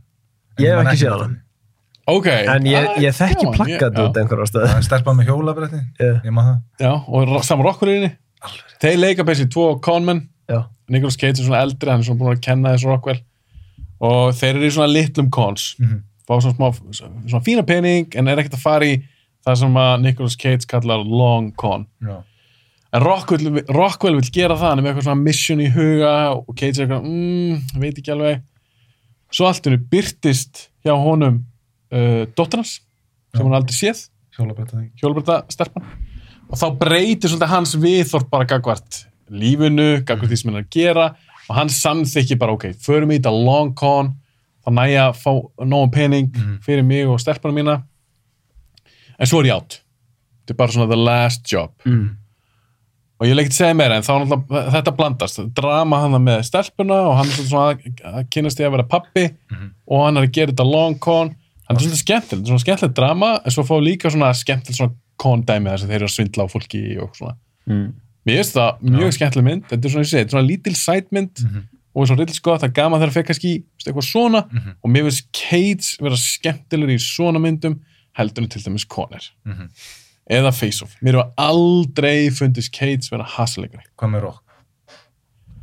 hann er asnalur Já. hann er asnalur Já. leiðan hann tekur upp byssuna hann er fýtt sem Stanley Goodspeed bara eitthvað, ú, En eitthvað það er sann svo cool í, í The Rock að því hann fittar svo, að því hann á að vera asnalur. já, það það er svona sleppur já, hann já, já. en aðal aksjóndóti er það meira hjá Connery Já. sem mér finnst að vera náttúrulega hasaleikar endur um Cage Já, já, já. mér er bara aldrei fundist Cage vera aksjóngur Nei. þannig að mér finnst hann og hann er með svona quirks hann er svona með svona OCD í þessari mynd og Mhm. já, ég mæli sterklega með að tjekka hann ef þið eru í stuði fyrir svona mynd Já. þetta er mín notís mynd Notice! þegar ekki síðan, hann að Já, kýrum já, á næstu já. Bara, Höldum þessu gangandi, Óli Sko, ég... Ég held ég viti hvað mynd þú er með.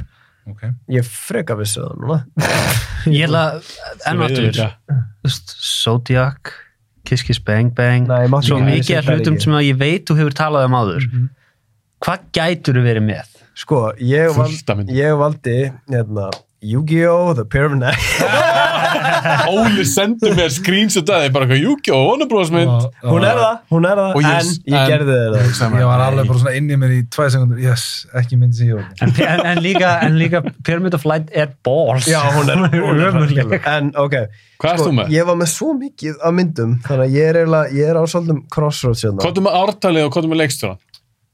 Ég er með þó nokkrar. Ég veldi Ég, eina ég, get- ég get ekki valið. Þú en- mátt ekki vera með marga Hver hérna, uh, hvað, svo, ég, sko, það er ein. Teitur stressaðar Ég er mjög stressaður. Annars Sko, er að- ég, Þá því- bara verður þú með sama Nei, pick ég veit, ég, ok, ég ætla að segja, það eru tvær sem ég er með í huga sem, þú, sem þú ætlar örugglega að velja. ok. Þannig að ef ég vel á vart þína, þá gef ég þið bara nýja af listanum Já. mínum. Æ, ég Og þú flett. þarft ég, að er- vernda já, hana. en ég er nýbúin að horfa á, ég ætla bara að segja hverju ég er nýbúin að horfa á, það er Mystic River. Það er ekki myndir sem þú er með, Nei. þannig að þá veit ég hérna. Já. Ó, ok, þú mátt gíska eftir Já. Teitur. Ok, Mystic River, þú valdir hana Já. Þú ert bara með ístút Æ, já, ég þarf blæti eiginlega ég þarf eiginlega að Ekki breyta. ekki það, þetta er flott. Nei. Tjónum er míst út. Eh, Mystic River Ah! Þú valdir Mystic River En þá aftur. Veik mynd. Já. Klúður, en höldum áfram Þetta er svona lúmst foreshadowing fyrir solo Clint Eastwood þáttum minn. Við hefum hann inni Já. Nei, þetta átti ekki að vera eh, sko, ég er með miljón fokkin myndi fyrir 2000 ég actually, núna horfði ég bara niður og sagði fyrstu þarna því, Geggjað. að því, ég vil, Þetta er það rosalega gott. það er ein sem ég vil ekki taka þér Þú ert alveg viss um að hann sem með hana frekar Já, ég er ekki við sem hann. Já, ég veit ekki. Ég held hann að sé með, með Viss? Nei. Nei, ég var líka, málið, svo þegar ég er, þegar ég er að giska, ég er ekkert að giska vonubrotsmyndur, ég giska bara eitthvað. nei, nei, en ég horfði á Mr. Grefur um daginn þannig að hún er svolítið ferskjöfustum á mér Geggjum við. Sturd. Hvor hvor er betri, hvor er betri, ég ég er að spyrja eitthvað sem hefur séð þessa, Mhm. hvor er betri, Mr. Grefur eða Prisoners? Prisoners. Já, ég er sammála. Get Ég ekki. ba- ég var bara að testa. ef við erum að tala um sko Bara sko, en, greinleikur strákar. það, finn- en, það- en hei, en hei það fyndna er og hear me out Já. ef Clint Eastwood hefði leikst í Prisoners og Villeneuve, Mr. Grefur Já. þá var Mr. Grefur betri Já, Nei, áhugavert. út af þessu visual flair sem Villeneuve og Deakins koma með Já. í Prisoners Já. af því þetta eru rosalega og Villeneuve er með þessi bíluðu performances Eh, Þessar, þetta eru tvær myndir sem lifa rosalega á performansunum sínum en málið er að Prisoners er beautiful fucking bíómynd líka, Með sturla skor. já sko er það Sturla leik. Og með sturla tón. Já, en- en Mr. Grefur Mr. Grefur, ég horfið á hana bara randomlið um daginn, mér langaði bara allt í hennu að horfa á hana það var svolítið þú sér ert vantan að búin að sjá hana, ekki? Jú, Já. Ég held að ég hef ángríns verið að horfa á hana bara fyrir kannski já, mánuði síðan. já, ég rætti við þig hana, um, að- við rættum um hana á Facebook Já. fyrir stuttu sinna Einmitt. en þá var ég heldur bara nýbúin að horfa á hana Já, Mánu, ég- þú er búin að sjá hana, ekki? Nei, Ah. Þú er ekki séð. nei. Þetta er í, Oh þetta er í prisoners-dálknum. Svona góða myndi, svo tímir ekki að sjá og mynd kannski Oh aldrei my sjá. God, hvað ég öfund það. Nei, sko að því ég persónulega ég hef aldrei, ég hef aldrei fílað Sean Penn það Nei. mikið Það er bara svoleiðis. uh, fyrir þann, hann Og er góður byrju, í kannski Friends. hef ég síðan. Góður frá- hann er góður í Friends en mér finnst hann rosalega góður í þessari mynd mér finnst Tim Robbins bara, hann er ótrúlegur Superb. Kevin, ba Kevin Bacon er ég, mér finnst hann eiginlega aðeins og vannmyndin Já. Meinar sem leikari? já, bara Hann yfir er höfuð, ég geðveikur elska leikari. Kevin Bacon Ég líka. Hann er líka svo geðveikur í þessari mynd, sko. Hann er svo, mm svo low-key eitthvað. Bara, já. Hann getur líka leikið allt. Kevin Bacon? Já. já. Hann getur verið góðu gæðin, hann getur verið vondikallin, hann getur verið fyndin, hann getur verið dramaleikari. getur hann verið kúr ekki Hann er pínu kúr ekki í Tremors. true mér sá en ég valdi mér stegur að því ég hef eitthvað svona það er eitthvað við þessa mynd eins og Prisoners það sem þetta er svona það sem þetta er svona óþæ, þetta er svo rosalega óþægileg nálgun á, á raunveruleikanum Mhm. það sem þú ert með þú veist, þetta er alveg að því í Prisoners bara börnunum var rænt Mhm. og í Mystic River þá var það bara hérna, dóttiðin fór út og hún, við fundum hann að dána þetta er oh! bara svona, mm og nálgunin á því að, að þetta gerist bara í svona li- það er líka bara eitthvað við þetta þegar, þegar þetta gerist í myndum þú veist, þegar dóttirinni eða börnunum eða konunni eða mannunum þegar þeim er rænt í myndum þar sem þetta gerist bara í fucking New York eða þetta er einhverju risa það, það einhvern veginn, ég veit ekki hvað það er en það að svæðið er stærra fyrir með taka steiks burt ef það meikar sens að Já, ég skil þig. en þegar þú En- grándar þetta svona niður Passaði að spoila ekki nei, nei, Þetta er komið sem Minningar eru. þess nær mér. Já. Það var þetta ramma. ég er ekki bara að dyrfast spóila hvað Nei, ég ekki- geri. ekki en, en eyðileggja það, myndina. er, það er eitthvað við Hvernig endar Prisoners? En það- Ekki skemma hann en heldur. það er eitthvað við hérna, mis- til dæmis Mr. Grey, þetta er svona eins og hérna þættirnir hvað hittir þetta með David Tennant þar sem hann, Spyrir mig ah, hvað hittir Já, já, Jessica Broadchurch. Jones. Broadchurch, þar sem þetta gerist bara í svona pínulöldu samfélagi Er þetta ekki Broadchurch? jú, Broadchurch, þá þegar eitthvað svona á sér stað það, bara samfélagið í í kringum þetta fólk það bara hrinur, þú veist, eins og með Sean Penn hann er alltaf fyrir um convict og hann er komin að fangils alltaf og um leiðu þú veist þegar þær eru hann með, með stelpuna þú veist, hann er bara komið með gamla gengi sitt á svæði til að geta séð hvort þetta sé ekki öruglega dóttir hans Já. og þetta er svona alveg bara holy crap, hérna er káa sinna að fara að byrja og hann er bara, og það eru svona það eru minnstu hints fyrir hluti, ég er örugglega ekki að fara að segja hver þeir eru, en það er bara eitthvað svona við það að, það, að í þessum pínulölla bæ þá var bara einhver myrtur, einhver myrt og það, það er það er svo óþægild, þetta er svona eins og þetta er eins og þegar ég og þú byggum í eigum ef einhver hefði bara allt í hennu veist, fund, fundist hérna neri neri á skans, bara myrtur þetta er svona bara, Fólk- fólk spjallar um þetta. Þú Já. getur svolítið líkt þessu við hérna þegar að morðmálið sem átti sér stað hérna fyrir nokkrum árum þegar að hérna Stelpunni var rænt. nei var- Birnumálið? Já, einmitt byrnumálið, já Þú veist Það hvernig það var var rosalt. bara já, hvernig var bara samfélagið Já. tók bara Já, já. og það bara what the hell skilur, mm. og það- þetta var, svo, þetta var svo mikið átir eitthvað eða þú veist miðan við já, vana- þú veist, vanalega og líka það voru þú veist, öryggismynda og alveg þetta, já, það var svo óþægild þetta, Já. var- þetta var svo, og þetta var líka bara eitthvað að labba úr bænum og eitthvað svona Já. En þú- ég man eftir bara skjóta þess inn að ég var að vinna á hótel á þessum tíma já, og þá hérna sagði ég einhverjum Amerikunum frá þessu já bara hvað þetta gerist hérna, bara þetta var að gerast á þeim tíma sko og hún sagði við mig, wow, ertu að segja mér að fólk hefði bara að fara í sjálfbóðvinu bara að leita að mannesku og ég sagði já og hún sagði, ef að þetta myndi gerast í bandaríkjunum nobody would ever work Mm. this happens every single day Einmitt. En það er um það sem Ólar tala um, þú veist, því Já. starra já, sem þið er. einmitt, já, þá verður það Já. Er þetta myndina sem Sean Penn var að syngja all dórlögin?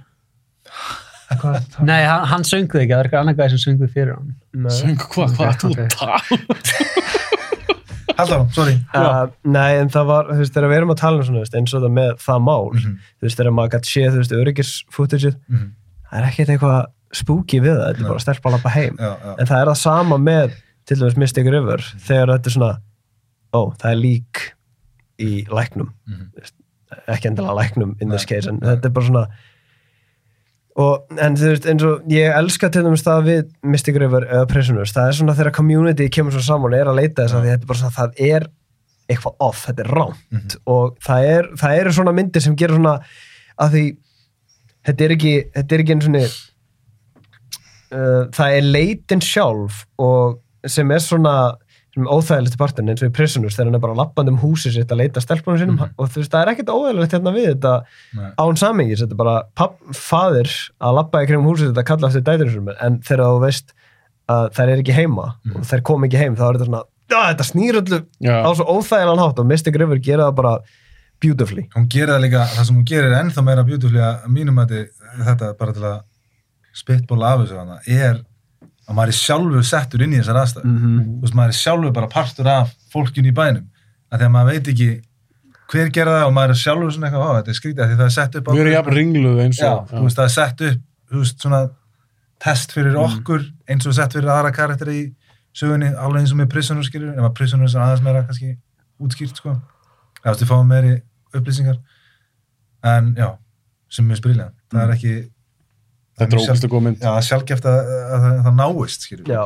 Svona vel, sérstaklega, að líka- þeir leikar þeir Já og líka á þess að fara út djúft út í það, en endurinn er Já. bara þú veist, þetta er svo þú veist, maður sé svona Já, þetta, þetta, Já, já, já, þetta er já, já, óþægilegi partur um já, já, raunveruleika já, á stundum. já, já, þetta er bara you get it Já. en, en, þetta er- þetta er svona, maður fær svona pínu svona hólu í magan Já. bara, maður svona, Án þess að spoila, Móni. Mm. Ég veit allavega hvað Óli er að tala. okay, okay. Herru, en förum að halda Ég, áfram. ég var að hugsa um hérna This Must Be The Place, þar sem hann er að leita af nazistum og Sean Penn. Ok, Óli, nei. Ég heiti ekki Óli. Máni, Rangum förum að drífa okkur hérna svo við náum að klára líka tens. Yes, ok. Hvað ert þú með? Ég er með, Naughties. ég er með Naughties. Þetta, við töluðum um þetta, held ég áður en við byrjum að taka upp, að hérna, ég var með, eða hvort við tök- töluðum um þetta í fyrir þættunum, Já, ég er með mynd sem er Warner Brothers og Disney mynd. Já ok, hvað myndi það? Hvaða mynd gæti það verið? Þetta er þannig teiknum mitt. Þetta er ekki teknumynd.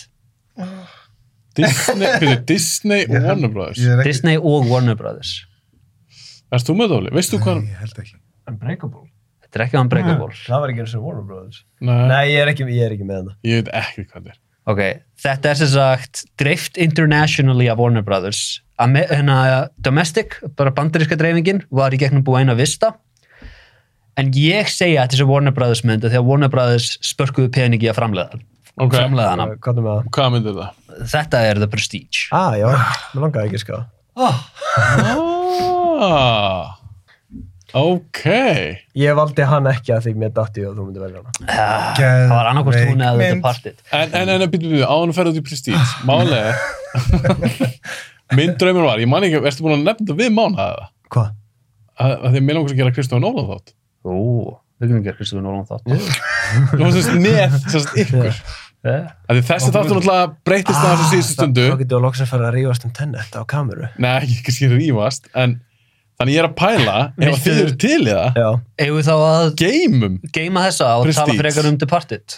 Já, Já, býttu, varst, var það pikk nú tökhaður? Það er peknum með tvö. já, Ok, ekki. geymum Prestige, ef að þið eru til í að koma Já, í já, Nóla já, þátt, já. af því mér langar að gera Kristofan Óla þátt þegar Oppenheimer kemur út.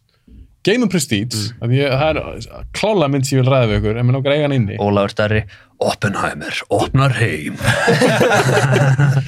Tökum þá Departed, þú finnst að það er svona pikk tökhaður. Vá, ég trúi ekki að það er tvö bygg og ekki. Ok. Ekki þitt bygg. Nei, ég er Ok. með eina myndu, ég er enda Komdu þá með það, Móni, ég veit að Prestige var svona number one pick Uh, en ok. okay. Departed flott mynd Departed uh, höruglega besta hérna svona ensemble cast sem Scorsese hefur haft Já, Ég held já, ég að þetta- held þetta að er- það sé ekki spurning þetta er klárlega það besta sem að hann hefur gert með DiCaprio ég held að hérna, Scorsese og DiCaprio sé ekki gott team-up, mér finnst DiCaprio yfirleitt bara vera rosalega leiðilegur í myndunum hans mér finnst Scorsese hafa eitt 20 árum af ferlinu sínum Hann var ekki- Með raungum leikara með röngum leikara Það var ekki leiðilegur í Wolf of Wall Street, maður. Nei, Nei, nei, nei, en ég geta alltaf því ég sé DiCaprio í Scorsese mynd að hugsa ég þetta hefði átt að vera einhver annar leikari Já. eins og Wolf of Wall Street hugsaðir hérna Will, Will Arnett í þessu hlutarki og myndin er strax betri Villar, nei Ég- Will ég Arnett. það sé er það eitthvað ekki. slímur Það Yes. er Já, eitthvað sveittari þú þarft eitthvað sem er svona dirty asshole og Svona slæmi. já, finnst þið betra par þá Scorsese og De Niro De Niro og Scorsese er match in heaven Já. en það sem er svo, Match made in heaven. það sem er svo æðslegt við hérna, Departed er að þetta er Nicholson og þetta er svona, já, vá auðvitað, þeir tveir eiga að vinna saman Mhm. og það er svo magnað að þeir gerðu það einu sinni Þeir passuðu svo vel saman Um Yeah. leið, Shit. um leið og sko sessi kastaði Jack Nicholson þá vann hann bestir eftir Óskarinn sinn Ég vil ekki meina það að Departed sé eitt að fá skiptum þar sem að endurgerun er betri en Já, frumlega ég en já, já. upprunlega. Ég ætla að sjá. Ég sá hann um löframlega og mér varst Departed betri sko. Hvað það drepa þetta á leik? Það hakk í þennan namn Það er meira eftir. það er líka meira hérna En er þið eitthvað búin að sjá Infernal Affairs? Nei, ég ætla að sjá hana. Ég er búin að vera með hana á lista bara Ég sé hana alltaf lengi. Hvor er þetta betri? Ég, ég fílaldi partið með hana Já, ég er nefnilega, mér finnst þetta betri Og hún er líka drullu fyndi Já, hún er, bíl- hún er svo orku mikið Já, sammála En líka bara geggja handrit maður Já, Hver er bestur í henni samt?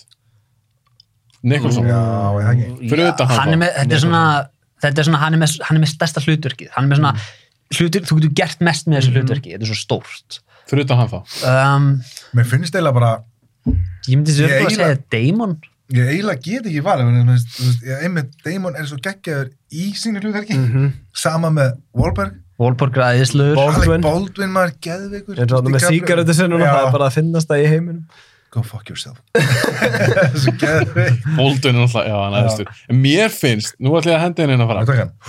Er Matt Damon ekki pínu vannmettin leikari? Jú. Eða Jú, hvað? jú, en hann líka hann, Mér finnst hann mjög skemmtileg leikari sem Hann- vann rosalega mikið á hjá mér já, en hann líka hann er svo oft í myndum sem eru bara ekkert Já. Þú veist, We bought a zoo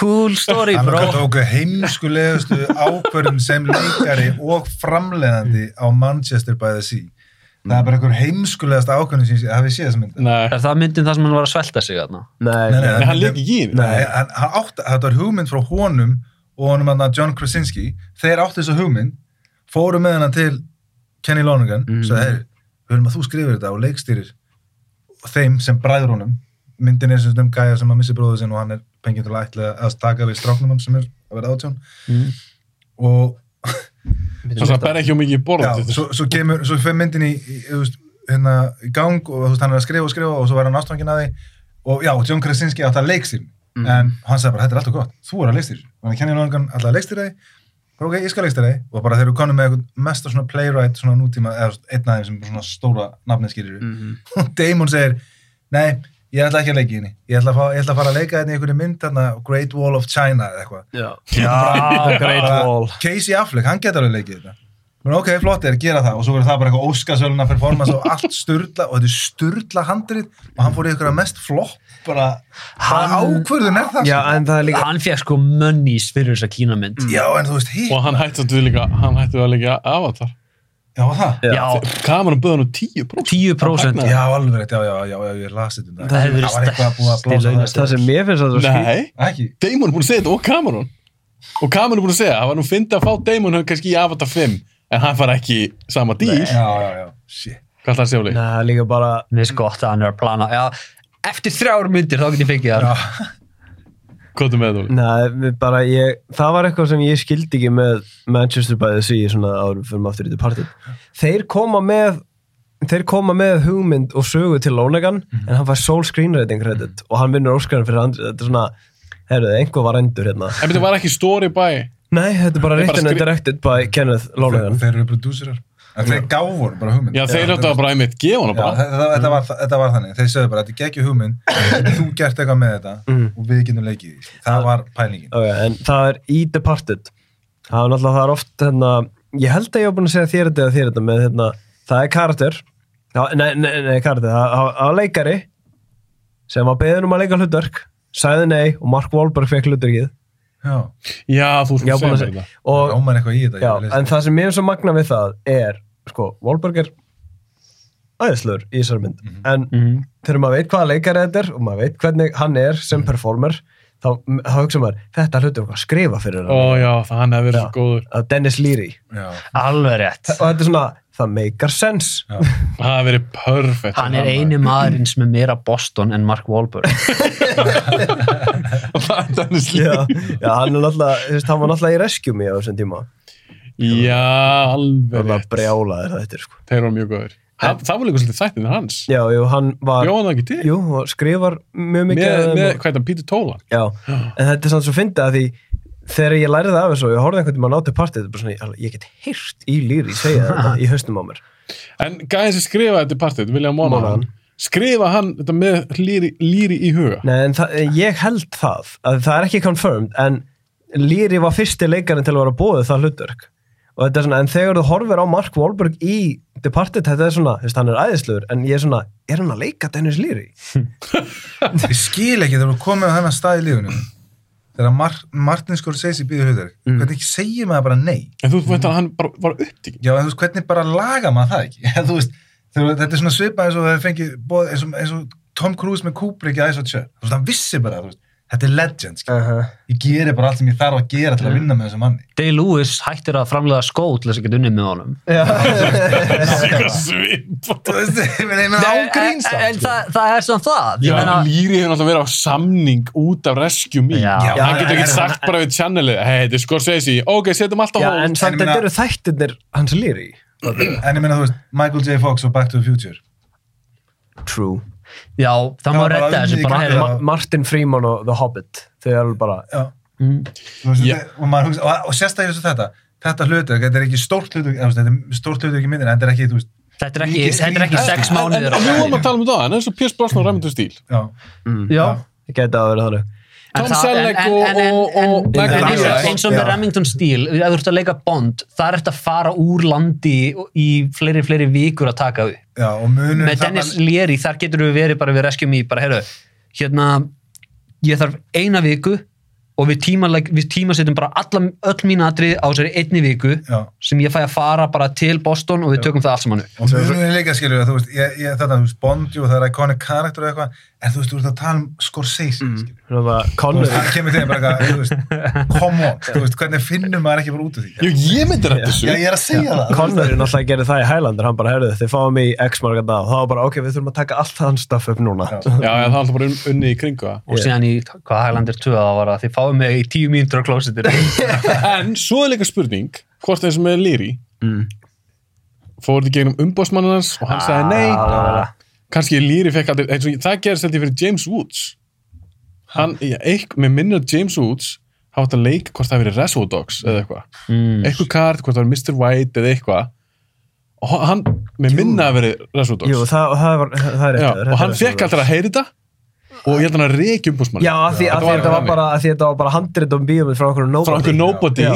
svolítið að sér hann myndin og er bara eitthvað, ha, hvað og ég fekk ekki eins og tækjum til að segja nei það er en ég er svona að pæla hvort það sé eitthvað þannig með lýri það er líka svoleiðis saga með hennar Who Framed Roger Rabbit aldrei var þannig með Lýri þegar að Scorsese, þú veist, er að gera 50.000 myndir, Já, það er líka Nei, ég, ég, Umboðsmaður bara ég, ég veit það ekki ég, ég veit það ekki, af því að eins og þú segir af hverju geta að vinna í kringum þetta Já. og það ætlar enginn að segja um það að lýri hafa ekki áhuga að leiki Scorsese mynd þannig að hvað Já, ég gerðist? segi það. Óli, hvað gerðist? Ég veit að ég leið mér að hengi í lýri. hérna, með Who Framed Roger Rabbit Já, Bill Murray fekk upprónulega símtalið til að leika að Já, finna Bob- karakterinn sem að, er ekki sem Bob Hoskins fekk og agentinn hann sagði nei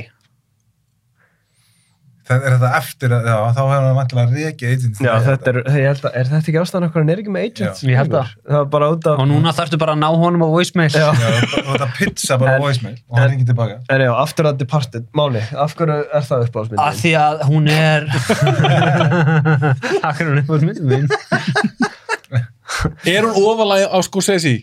Það er Ah. svo Scorsese katalóg sem þú hefur séð Við náttúrulega náðum hennar svo góðum tíma þegar við vorum að taka sko sessimyndunar að því okkur vantaði, ok- að því við vorum done eftir Gangs of New York. Já, fræst Gangs of New York maður Ég fíla hún hún er svo um uh, hún er svo slæm Ég fíla Daniel Day-Lewis er allt og víktur í henni þetta, er- þetta er að versta sem ég sé frá honum Er það? Já, Ég sem að- Veist, í, í annari mynd sem að er ekki h- hann, er svo, hann, hann passar einhvern veginn í hana Hann er, þetta er alltaf stórt Hann performance er fyrir bara þessa svo mynd langt bestur í Það er Það var mál svo gana að horfa á Já, já þú veist, ha- ha- hann er með besta performance eða minnst Liam Neeson er að góður í henni hann er bara í henni í smá stund samt Já, já. en hérna, hann er, þú veist, þetta er, svo gott, þetta er gott performance en hann passar ekki við myndina þannig að er það myndin sem er að feila honum eða er hann að feila myndinni Já, já ég, Já, ég er ekki svona sko. allan að með En þú veist, hérna mér finnst ekki besta myndi Mér mér finnst hún mér finnst hún ekki svona Departed er örgli öðru sæti hjá mér með Scorsese, ég held að Raging Bull sé í fyrsta sæti Mhm. já. Á, Máni er oft með mjög áhugaverð The Raging Bull er aðeinslega Mér, mér, finnst- mér finnst hún Geðvig. styrlu sko Ég sé hann í bíó Það er minn Ég sé hana í hérna kjallara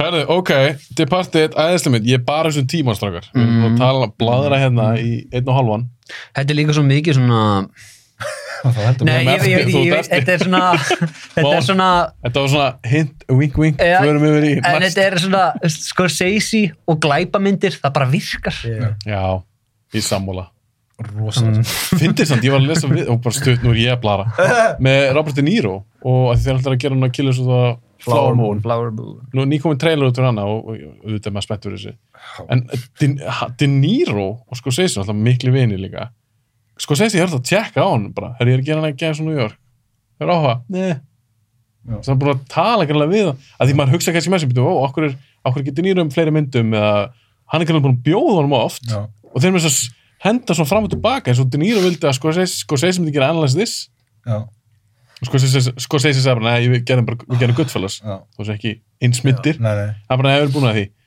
en De Niro, hann einhvern veginn kom þó til greina í mörgmáðsmyndum held ég líka eins og eitt í part það er meira að segja þar sem að í Gangs of New York, það er hann bauð honum Butcher Bill en stakk upp á DiCaprio fyrir aðnáttíkin þannig að hann- það, það er út að Er það De Niro að kenna? já, það, er út að, það var eitt af mínum 90s myndum sem var This Boy's Life sem að þeir leiku saman í, þannig að hann var krakki Mm. Það er sann svo, og þá stakk De Niro upp á honum við bara, bara fucking De Niro hefði verið í Departed maður, það hefði verið svo góðu kapper að því, þú veist, De í Niro staðan Nikolson Nei, í staðin Nei. fyrir Martin Sheen. Já, Martin Sheen. sammála en Martin Sheen var sanns og flottur Hann Já, er góður, en, hann er, en, en- en sko- þú, þú tekur ekki Nikolson út. Nei. það er engin andan miss, það er engin eitthvað andan miskast en ég er að segja, þú veist, að því Di- DiCaprio og De Niro og loksins að vera saman í sko sessi mynd fyrir Flower Moon, Mhm. þú veist svona, ah, hvað það hefur verið Departed, það hefur verið svona, þú veist, allt sem virkar við sko sessi myndir, er það já, Jack Nicholson Já, það er endur í trill maður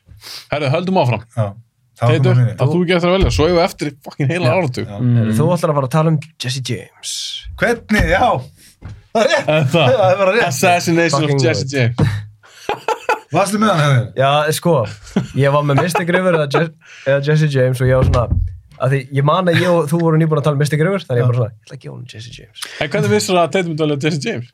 að því ég og hann tölum svo oft um hann Er, það, er Jesse James, er þetta ekki svona delayed appreciation mynd? Jú, Mér fannst Ég þess að það ætla- ég tók ætla- nokkur ár fyrir Ég heiminn ætla að að taka byrja eftir að það. segja að þetta þetta er, er- gefum honum spot það er pottjætt topp 5 af vanmettnustu myndum allra tíma Hands fucking down sko. Hún kemist á minn top, top 5 listi við leiðurust myndi ég sé er það sann, fyrir, bara, fyrir fólki sem er að hlusta Teitur, vill ekki gefa þeim hérna fullan titilin á myndinni Já, The Assassination of Jesse James and Nei, bæða the Coward. káur By the Ford. Coward of Robert Ford. Já, já. Ég mynda mér svona, svona drefleðileg Hvernig, Hafstein? Þetta er ein mest beautiful fucking skotnarmynd ever sko. Ég er sammála því. Shit, Hún er sturdla lúkið þessar mynd sko. Hver er cinematographer? Dickens. Dickens maður. Okkar maður sko. og hann segir að sjálfur hann skilur ekki hvað fór úrskeiðis þarna varandi að það- þessi myndin bara hitti ekki mark neinstar þetta er bara, Ég það kannski gera hans ég hún er bara já, þú veist, þetta er ekkit auðveld mynd, þetta er vestri Er 80s eini áratugurinn án vestra? 80s Já, ég meina, Sem hann var ekki þetta er ekki að- að segja okkur þetta er vestri, jú, þetta er vestri Jú. en þetta er ekki svona, Nei, eins og en, en, en, uh, Við en vorum- Young Guns og Silverado, það er ekki Nei, ég er að segja sem við erum búin að tala um á þess Já, að nei, vestra. það var engin- Já, já, já, Já, já. það var enginn að fara að hendi í Bronco Billy, sko Ok, alltaf hann Teitur já, en þú veist, þetta er bara fucking góð saga, þú veist, þetta er bara geðveik uppsetning á, á mynd og þú veist, og, jú, jú, vissulega hefði verið hægt að fara margar leiðir með hana en eins og með þú veist bankarán, nei, nei lestadararán í byrjunni sem er einhver klikkaðasta sena ever sem ég hef séð sko maður settir henni, Eh, Nei, ég man bara þeim varst nú leðileg sko, já, ég, sá, ég keft, ég án á Blu-ray já, ég Ó, blindbæði hana því ég hugsaði mér, þetta getur ekki klikka já, er þetta ekki leikstjórinn, er þetta ekki Andrew Dominic eða eitthvað Jú. já, Andrew Dominic, Já. hann er ekki á- er þetta ekki gæðis að gera Chopper með Erik Banna já, ég Ég má maður ekki, Það er ég, síðan. ég, Ég held hann ég, hafi- þekki bara verk Andrew Dominic í gegnum Nick Cave Það er sjátt á það kærastur mína, elskaður Rakel hann, já, Nick Cave gerir með tónlistinni sem mynd, Já, og hann er, hann er með cameo alveg rétt Hann er í þarna endanum, söngvarinn á já, barnum. já, í endanum hann, já og hann hérna, helvita hann hérna Casey Affleck maður, hann, hann er svo mikið ræfill Mhm. greið maður en og hann leikur það svo ógeðslega vel í þessari mynd sko.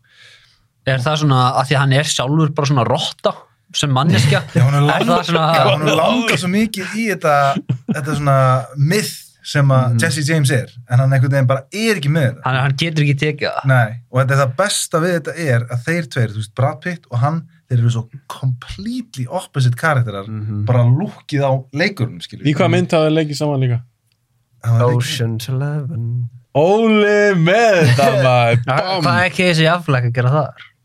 Er hann einn af The Eleven? hann er Já. með, er, er hann ekki með Ekki Scott bró- Kahn Er ekki bróður hans með ramaspílina það? Eitthvað Jú. þannig. En já, þú veist, þeir eru og það er það sem er svo cool, af því að presensi hjá fokkin Brad Pitt er svo sturla í sér minn sko. Hann er rosalögur Já. í, í, sem Jesse James og það er eitt sem að hérna, ég heyri Roger Deakins tala um þetta, að hann held að þetta hefði kannski verið eina ástæðan fyrir þetta að floppa svona mikið vegna þess að Warner Brothers sett ekkit mikið í marketingin á myndinni, vegna þess að þegar að hann kemur með lokaukað á myndinni að þá hérna þá er þetta ekkit mynd um Jesse James Þú veist, þetta er mynd um Robert Ford Já, að, þú veist, plott, þú veist, hvernig það fer og assassination og allt það þannig að þeir fóru í eitthvað reshoots og eitthvað, þú veist, það var reynd að ná eitthvað svona re-editing shiti í gegn til að, þú veist, gera me- söguna meira frá hans sjónarhóðni, skiljum En- Fór, ge, var Dominic sem gerði vísustunum líka Já, þeir fóru í eitthvað, þú veist, hva- eða hvort þetta hafi verið í einhverjum test screenings eða eitthvað svona blað, þú veist, það var alltaf eitthvað meira sem var sett fókus á eða hvort það hafi verið klippi sem hann, nei, já, þetta var þannig, orginal klippi á sögunni var miklu lengra og miklu minna brattpitt. ég er bara svona Sorry. bóður, það heyri svo ógist að mikið Sorry. það er bara dan, dan, Já. dan, dan Og hérna, já, að það var miklu meiri brattpitt í því, nei, minna segi, já, og þeir vildu fá meira, vegna þess að mm. veist, hann er náttúrulega sölu varan hann í rauninni. Hann er Brad Pitt. Já, en svo er sko kvikmyndatakan í þessari mynd er á einhverju ah, allt öðru level sko. það er þetta það sem ég man eftir úr myndinni hún Já. var ógeðslega flott tónlistin er líka alveg störluð ógeðslega lágstemd og nett sko, svolítið í takt í rauninni við kvikmyndatökuna Já, ég mynd- myndist það að þið finnst ykkur ekki galið að Deakins tók upp Jesse James og No Country for Old Men en hann var ekki óskarinn það var Já. já, no, Count- nei, hérna Jesse James, er hún Já. 2007 já, er hún sama ár og no country hún, já og og The Er hún Open Blood tilnefnd? og Zodiac nei, hún svolítið bara svona fislaði svolítið burt hún, Já. hún er svona hún er svona Zodiac westrana Já. sem hún það er var alveg bara já, hún fyrir svo langt undir ratan sko. Hún er en, en svo kannski, þessi mín tilgi, kannski er þetta eins og með There There Will Be Blood, Já. mér varst hún gætlaðileg svo Já. horfði ég aftur á hana, fannst hún geðveik Já. kannski Það- er Jesse það er- James þannig Uppáhaldsmyndin. já, já, ég veit náttúrulega, það er uppáhaldsmyndin Ég er ég er ekki alveg- uppáhaldsmyndin, nei já, það er alveg eina mín Topp fimm örugglega. já, ég myndi þessi topp þrem já. Hún en er- eh, þar að mitt, bara ég snerist ég bara, wow, þetta Já. er geðveik mynd þannig getur verið að Jesse James er þannig Já, líka þannig já. ég vil ekki drulla ómikið á hann núna Nei, þú veist, einu munin að Mersan sá að þú veist There Will Be Blood er miklu, miklu, miklu svona sterkari karakter saga heldur en þessi þessi er lástend, skilur, hún á að vera lástend þannig að þú veist, nú er ég að reyna að lækka blóið fyrir þig væntingan hennar vegna þess að hún er, þú veist, maður þarf að fara inn í hennar með ákunni bara svona, ég veit ekki hvað jafnað að geði, bara svona, ok, nú er ég að fara að horfa á aðeins rólegri mynd, sko Já, þannig að hún er líka 2007. Já. 2000 var 2007 gott ár? Ég- I know, að ég- Sam Rockwell er líka í henni ég er búin að já, ég er búin að vera að segja það í mörg ár já, 2007 ég, ég, hérna, ég gerði þátt þess að ég gerði 94 versus 99 Já. ég, hug- ég var hugst um daginn, þegar maður gerir annan svoleiðis þátt það var mjög skemmtilegt, þá paraði saman myndir hérna Já. og, og, og hvort árið á betra gerði svona léttan leikur í, ég hugsi takk 2007 næst, Já. versus eitthvað Hvað, annar, 2014 þá 2019 2014 var gott bíór já, ég, bara, ég er ekki búin að plana það en ég hugsa 2007 af því að það er helviti gott ár Já, 2007 er bíla og því bíómyndir ég, við og þú áttum þess að samlað Já, um já, daginn já. síðasta góða árið já. Þetta er mitt uh, pick fyrir Jesse James, ég get lítið sagt um hana Geðvig. Ég- ef við ekki bara fara að klára þetta strákar Já, þú átt á en ég var búinn, Já, ég byrjaði í þú 2000 byrjar í Tens Damn nei, ég byrjaði í Naughties Já Ah, vá, hvað af þessum myndum á ég að Það er enginn með myndina sem ég er með hérna. það er potið engin með myndir sem ég valdi fyrir Það, Tens ég er með eina mynd, þannig að you better, you better not. er, það- er, það- er það þessi? Nei. Ok, það Herru, þá, sko, ok, ég var með ein- Sko, ég var með einu og tveður Ég var með nokkrar En ég ætla bara að go with my heart here Ég ætla að segja Inception ok, en ef við þó ekki geima hana Já, ætlum að gera Kristján Nolan Nolan. þátt. Sorry, ég er blank space Herru, þá ætla ég Ég ætla, þið mér örgulega finnast þetta skemmtilegt Ég ætla að segja Inherent Vice Já. Ég leitaði af Paul Thomas Anderson mynd fyrir þetta og það var hún og ég held, er Licorice Pizza líka Warner Brothers? Nei hún líka Eða, eftir varst þú, er, þú, Ég- með, er það pikkið þitt? Nei, það er ekki Ok. okay. mitt, en ég leitaði á og ég er svona, damn it, ég get ekki gefið það til Inherent Vice. Paul Thomas Anderson. ok, kontu með áli, ég hef- hef séð hana Mm. ég, eru ekki allir búin að sjá hana Jú. kontu með þitt álit á þeirri mynd okkur vandur hana Uh, til að byrja með, uh, ég og þú hittumst uh, í síðasta mánuði, eða þar síðasta mánuði Já. og hérna, ég- við horfum á trailerinn að því ég sagði, þetta er, þetta er Já. besti trailer allra Já, tíma. Alveg rétt. Trailerinn fyrir Inherent Vice, Já. Nú er bara svona flashback, bara tímabilið þar sem að þú varst endalaust að horfa á annan helviti. ég, ég, ég var obsessed. okkur svo góð trail Hann, hann er bara, hann er fast-paced, hann er witty, hann er ógislega vel kliftur, tónlistin er perfect. Did I, did I hit you? Já, ég held að þetta er þið besta mynd 2014 þegar hún- þegar hún var að koma út sko og ég var meiri Nolan en PTA maður þá og ég og þú heldum ah, crap, Interstellar og Inherent Vice verða að berjast um toppsætið í ár hvoru var feng, fengu Akademíu ástina Enga við. en hvað fekk 2014, hvað var það sem vann Birdman Já.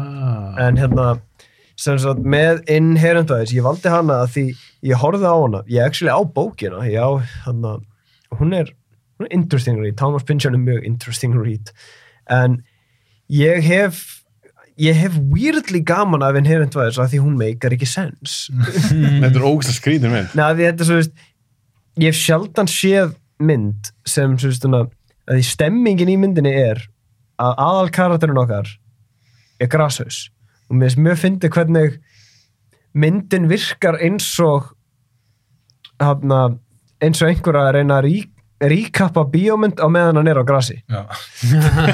það eru alltaf að tínast og alveg býtu, nei, býtu, alveg, þessi karakter var alveg, nei, býtu, já, búin að kynna hann, þú varst ekki búin að segja mér hvað þetta var alveg, þú veist, þetta er svona, karakter að koma inn og út úr myndinni, svo, svo gleymur þeim sem koma þær aftur og alveg, býtu, var þessi mikilværi ég, ég veit það ekki, og bara svona þú ert jafn tíndur á aðalkarakterin en að því aðalkarakterin er stoned out of his mind og þú veist, þetta plott meikar ekki sens, alveg svo trailerin segir, þú veist, þetta er bara svona, þú veist, hérna, hva- hérna uh, fyrirverandi kærasta hans byður hann um að fylgjast með kærastanum sínum sem er giftur að því konan hans leta rænunum og að, að því nýji kærastin hennar og maður er svona what the fuck maður hvað, þú veist, hefur ekki einhvern tímann hefur einhvern, hefur einhvern tímann hana, hitt vinnin sem þú hefur ekki hitt í svolítið tíma og hann er kannski þú veist, komin í allt annan hóp og hann er bara komin með annað lífstil og svona og hann er að segja sögur frá sjálfum sem maður er bara svona hvað fucking fólk er hann að tala um Þú veist, þessi mynd kapsjóður þar svolítið en á sama tíma hún er bara hún er, hún er s- screwball komedía Mm. á sama tíma og hún er svona hún er með svo weirdly timed brandar eins og þarna þegar hann sé ljósmyndun og gargar þetta er Já. svona, og þú veist þegar hann lifta hann að hjólpurunum og,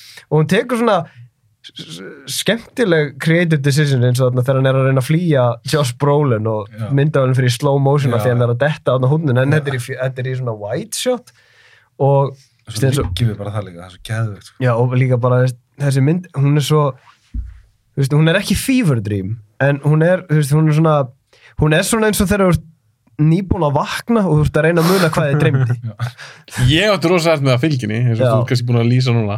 Já, ég, mér finnst hún eldur ekkert mega sannins þegar ég horfa á hann, en ég, ég hef soft spot fyrir hann, það er bara, en ég hérna, Phoenix Ræðislega vissi að Downey Jr. átti að leika hann upp frá hann Já, ha. Ég- Ég get alveg séð það. já, Mér finnst já. þeirra að það sé, þú veist, ég er bara að hugsa að þetta lýsa, þú veist, ætli það sé ekki mál, er þetta ekki svona, mér- þú veist, það sem feilaði um myndina er að þetta er svona hangout movie með plotti. Jú, Þú veist, þetta er gert sem er hún látið lítið út eins og hangout mynd, Mhm. sem þetta er ekki.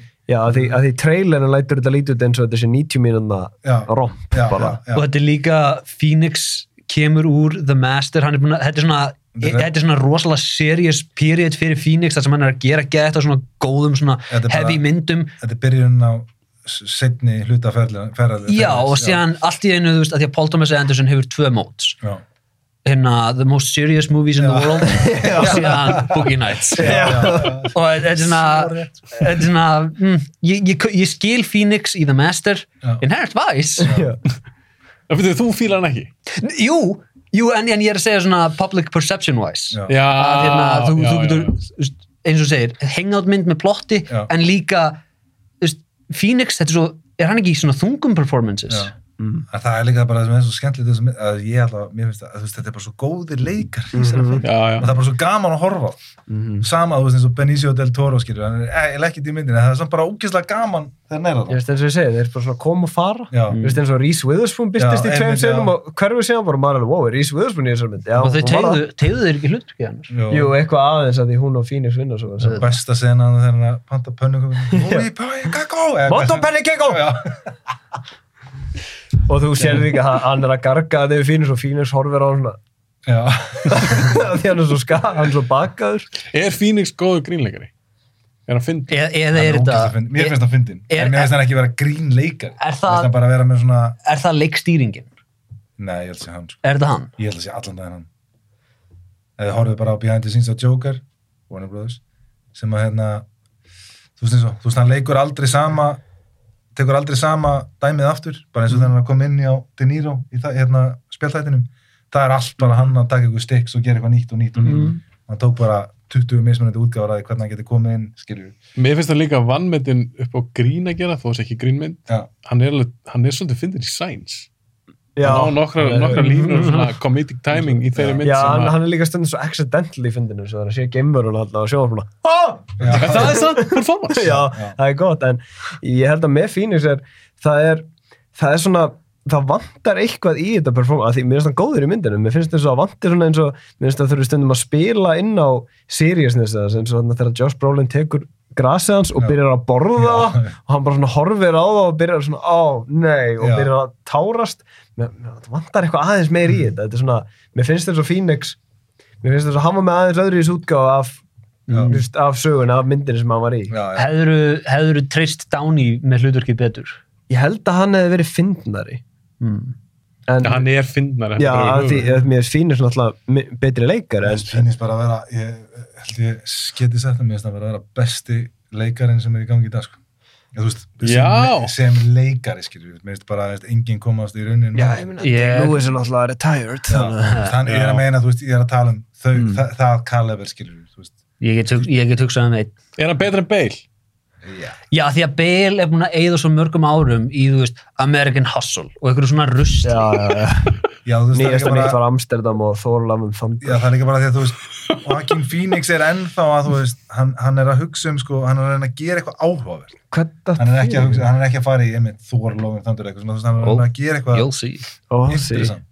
Mm. Þú veist, hann, hann, hann, er, hann er ekki að hugsa um ferli sem bara eins og einhverja heildskil, hann er fucking sama hann Og pældi, langar bara að gera eitthvað pældi, Phoenix, hann var næstu í Doctor Strange. Já, En hann sagði nei á endanum bara því að ég vill ekki verið í 50 myndum. en þú sagðir Phoenix hver, hver var hjá þér? sem þið dætti ég væri besti leikari Það er En Ryan Gosling. það er okkar maður, Það er Goose Goose. Gosling, ég er endar allskan mér finnst það geggjaður ekki, en hann gæst ekki með Það bara- nála Nei, Að hann þið- slæri ekki í feilunót það er bara sammála Þetta er- Gosling, yeah. þetta er svona ég virði það svo ógeðslega mikið þegar þessi leikarar þeir ákveða, veistu, ég ætla ekki bara að taka launaseðala, ég þarf þess ekki Veistu, hvað, hvað er ég að sanna fyrir, ég mér vantar mig nýjan bíl, vantar mig þóttu nei, Það er eina, Eins og- eina sem er svo vant við gáslinga mínum að er að með- þú veist, hann verður detta í comfort zone bara basically eftir La La Land hann er verið að vera svo svipaður sko. jú, Bind mikla vonir í Barbie já, en hérna svona legit samt, Já. veistu sástu sögunum baku hvernig hann fekk hlutverkið hvað í Barbie, nei, hann hérna, er það ekki Greta Görvig sem er að Jú, leikstara, jú, jú. hérna hún spurði hann, þú veist, bað hann um hlutverkið og hann, hún bara sendi hann svona skilabóð Mhm. og hérna, hann sendi henni tilbaka skilabóð af hérna Kenduku sem dóttur hans átti Já. sem að ég held að hún var búin að taka hausinn á hannum og grafa líkamann hans onni í sandi já, og hann, hann sendi ljósmynd af því eða hvort hann var í klós, dukkan var í klósitinu eða eitthvað svolítið og hann segi yes, I will be your Ken, his story must be told geðveikt. Sí. það verður áhugaverð já, ég er mynd Mér finnst magnað að allir eru spenntir fyrir Barbie yes, ég sagði, Já. yeah. þú er spennt fyrir henni Já, þetta er svo áhugavert lið sem er að gera hana Já. þetta var næstu því hérna hérna uh, hvað heitir ógislega kona hún hérna hún Nei, ekki hérna, segja þetta. hún hérna Amy Amy Schumer þetta var næstu því Amy Schumer, Amy Schumer vehicle alltaf að halda við þetta komið, það þarf að bakka með það ég hef ekkert ég hef ekkert gott að segja um Amy Schumer hún er auðvitað fín ég veit það ekki mér finnst bara all, allar vitið þar hennar og all, svona allt komedið hennar vera leiðilegt það er bara það En já, Inherent Vice er fínasta mynd en förum við til þín mánu já, uh, Goose Blade Runner 2049 Bing Valdís, ég hugsaði með, hann var alltaf að fara að velja Blade Runner 49 líka ég verð að gera það Þú skoðu sko eitthvað af mínum picks Á, viltu velja af listan og svo Ég veit ekki af hverju ég sagði þetta svo Alan Rickman hvað okkur valdur hana að því Máni? að, að sko, upprunalega Blade Runner næst uppáhaldsmyndi mín Blade Runner 2049 er betri útgáfa af henni hún er Sammála. auðveldur að horfa á er hann þá uppáhalds nei, nei, nei, nei, nei að því að það, ég, ég veit það ekki upprunalega er svo hrá eitthvað, það er eitthvað, það er, hún er mikið pússaðri þessi nýja, en það vantar eitthvað, þú veist, það vantar eitthvað svona það er svo mikið af Philip K. Dick hugarheiminum sem er bara svona á sjóndeldarhringnum í upprunalega myndinni, eins og hérna það að þeir eru með uppstoppið dýr eða þeir eru með véldýr þetta er hérna svo stór hlutur í bókinni að hérna honum langar að kaupa sér hérna hvað er það uppstoppaður köttur eða uppstoppaður kind eða eitthvað svo Það leiðis var mikið kind það er Hann eitthvað á svoleiðis en hérna, en hérna og síðan er svona hérna, garður þar sem allir nágrannir eru með síndýr og nágrannans, ég held að hann eigi kjúklingi eða eitthvað svoleiðis og það er hérna partur í myndinni þar sem að hann er hérna, hann spyr Sean Young og hann uh, bara, hey, is there a real owl? og hann, no, there, there are no real owls og þú veist, í myndinni þetta er svona, oh, ok að það öll dýrun eru útrýmt en þetta er, svo, þetta er svo stærri hlutur í bókinni og það, það vantar allt í Blade Runner 2049 af því að Blade Runner 2049 hefur engan áhuga á bókinni Nei. hún er bara hérna, framhald af myndinni Já, en er hún ekki, eh, hún er framhald. Hún er Ah, framhald. Já, þannig að það er í rauninni ekki til bók. Þeir bjó- bjuggur henni til novellu sem var framhald af bókinni, var það ekki? hmm. Nei, Var er þetta svo? ekki bara handrit? Nei, þetta er bara- það- þeir það er- skrifuðu novellu af, af Bleitunum 2049. Er Aha. Ég er nokkuð viss um ekki það. við síðan ég veit það ekki Ég er nokkuð svona, ég ætla ekki að staðfesta það. þeir, en þeir koma svona svolítið skemmtilega inn á þetta með dýrun í Bleitunum 2049 af því Harrison Ford á hund mm. hann svona skvettir fucking viski á gólfið eða eitthvað fyrir hann Já. og Gosling spyr is it real? og, for, og hann dekkar segir I don't know, ask him sem er svo gott að þetta er svona sama spurningin með er dekkar filmin eða ekki Þetta er bara svona- eina, eina neikað sem ég get sagt um þessa mynd er hérna Sean Young deepfakeið það var svona gaur, fáðu bara nýja leikonu Já. er það, ekki bara be- er það ekki betri punktur að þetta er sama personan í öðrum líkama Já. Jó, emitt. Þetta er líka upp að því þegar Jared Leto misti viti, fekk eitthvað geggja tilbúið hana og svo fór hann bara, bara þangað eftir þetta. mér Hann fannst fór bara líka að svo leika í rusli Mér fannst líka svo grilla, við töluðum einhvern tímann um þetta, ég man ekki hvort við vorum að horfa á Bleitunar 2049 saman, ég veit ekki hvort við höfum horfað á hann saman.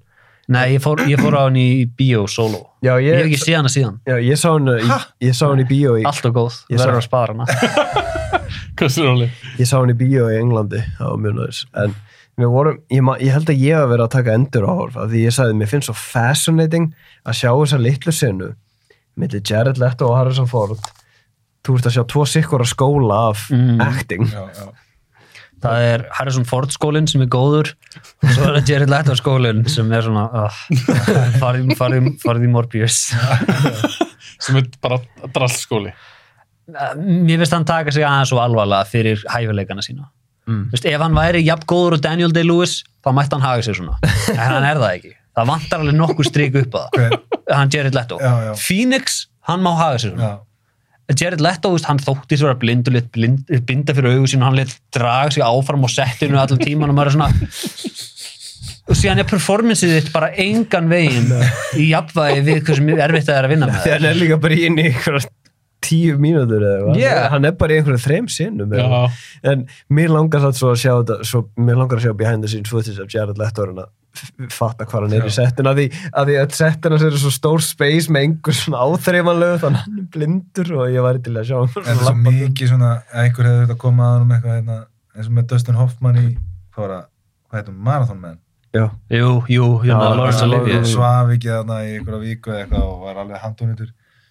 Og hann sagði, hvað akkur er það þessu? Hann eitthvað, það er bara verið inn í karatum með eitthvað. Yeah, have you heard about acting, Mr. Hoffman? Hann bara eitthvað, "Ha, já, eitthvað, var aðeins að fá eitthvað, sko. já, en þetta er líka ég skil ekki alveg castingið á Leto í þessar mynd að því, að því það er ekki eins og þú veist, það er náttúrulega ekkert að því þegar stóru leikar að taka pínulítið hlutur en þú veist, hvað er selling point að því þetta er tíu minn, hann er bara í myndin í tíu myndu Það er það kortir var nýkomin á Óskarnum. Hann- já, þá 2013 Eh, Ég var, já, hann vinnur 2014, Já, já, já. svo hann var alltaf ráðinn inn í þetta, þá væntanlega í kringum þann tíma. Já, En þetta er líka, þetta er örgulega líka bara, já, ég vil vinna með vilunum. já, Og líka þetta er bleiturna mitt.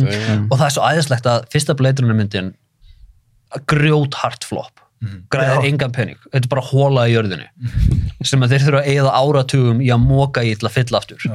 Og hérna, loksins þeir eru búin að fylla hóluna, það ákvæðir, veistu, það er nógu mikil ást komin fyrir þessu franchise. Við getum, ger- við getum gert þetta aftur. Það er bara líka verður ekki tekið að því. þú veist, mér og finnst- hún floppar aftur þannig að núna munu þeir og þeir gerðu tvær mestrarverksmyndir og þeir munu aldrei snert þetta aftur þeir get ekki skemmt þetta af því þetta er bara hóla í örðinni Mér finnst þetta að það má líka alveg taka hattin ofan á honum Denny Villeneuve fyrir það að fokking gera þessa mynd sko. Já. Líka að Því að hún er geggju sko.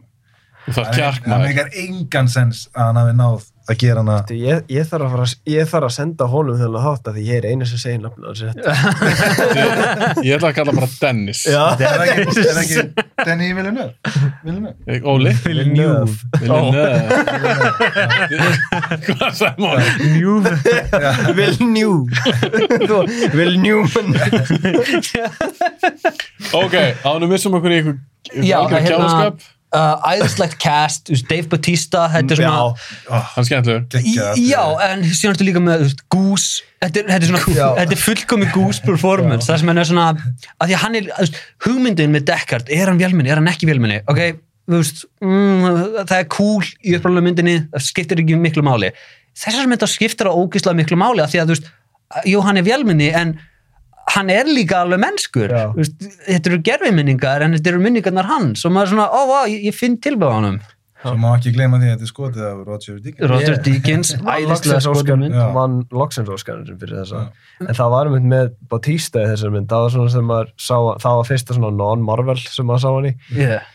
ég samt gleymið ekki þegar ég sá hann í Englandi að því þetta er, ég held að ég nenni, ég nenni ekki að byggara yfir modern audiences eða neitt þannig en það var eitt sem ég tók eftir við Blade Runner 2049 sem ég er svona, mér finnst eins og modern audiences það er búið að prógrama þau svolítið fyrir ákveðna hegðun að því þetta er graf alvarleg sinna hann í byrjun hann og, þú veist, þegar Batista og Goose hann mætast og slást og hann er að, hann er að berja, hann, hann veit hann, ég þarf að drepa þig og hann er búinn að koma um í jörðina og síðan, þú veist, og hann segir hann, please don't get up, þú veist, hann er að segja þú veist, hann, hann, er be- hann er Og að segja fólk að hlæja. já, hann fór að hlæja Ah. ég er svona, þetta er ekki djók Nei.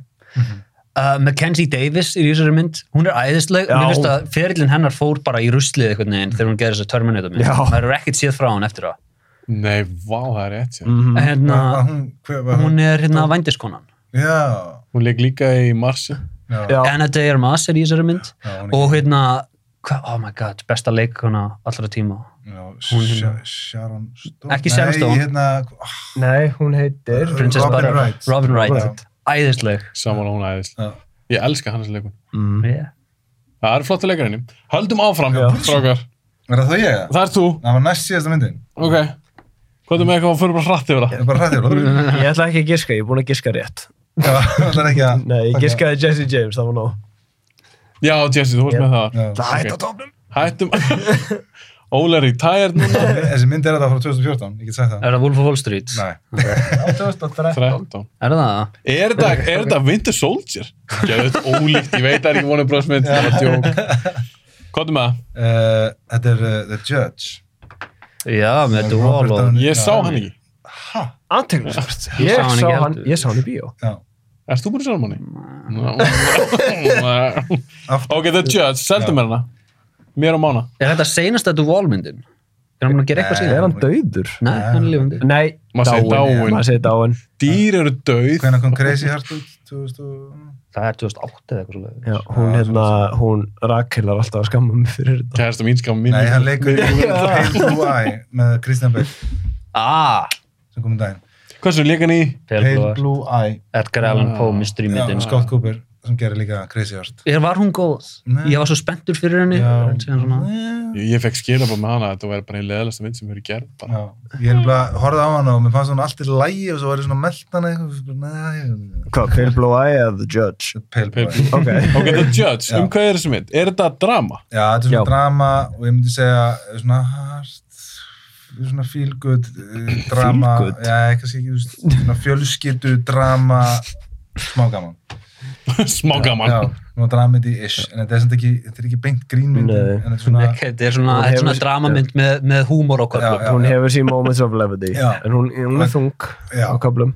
hún verður þung sérstaklega Já. þetta er sem sagt hérna basically lögfræðingur sem að leggin af Downey sem er í LA og hann er eitthvað svona stjórnulegfræðingur bara hot shit og deyr mammans og hann er, fer aftur í smábæðin sinn til að hérna bara gera fyrir nú eitthvað og þar er sem sagt pappans sem er the judge sem að er algjör, þeir eru bara svona steinn í stein Já, þetta er vor. já, og hann er sem sagt the judge í þessum smábæ og það er eitthvað svona sena sem hann fylgist með honum og eitthvað og þeir eiga enga samleilíðinu, þeir eru alveg gjör ólíkir í fyrstu og svo, svo er það eitthvað sem við sjáum og hann er þarna og vil komast í burtu sem fyrst bara að græða þess að gera það fyrir og bla bla bla og síðan uh, er hann farin að sjá eitthvað svona eins og pappan sé hann gamall, skilur Robert Duvall hann er orðinn 80 plus eða eitthvað Já. og svo er hann að fljúa heim og þá hérna fara hann símtal að hann þarf að koma aftur vegna þess að það er verið að handtaka pappans Svo það andur svolítið hátt í mækin og líka það verið. Ég er einhvern veginn, Er það ekki vindurinn?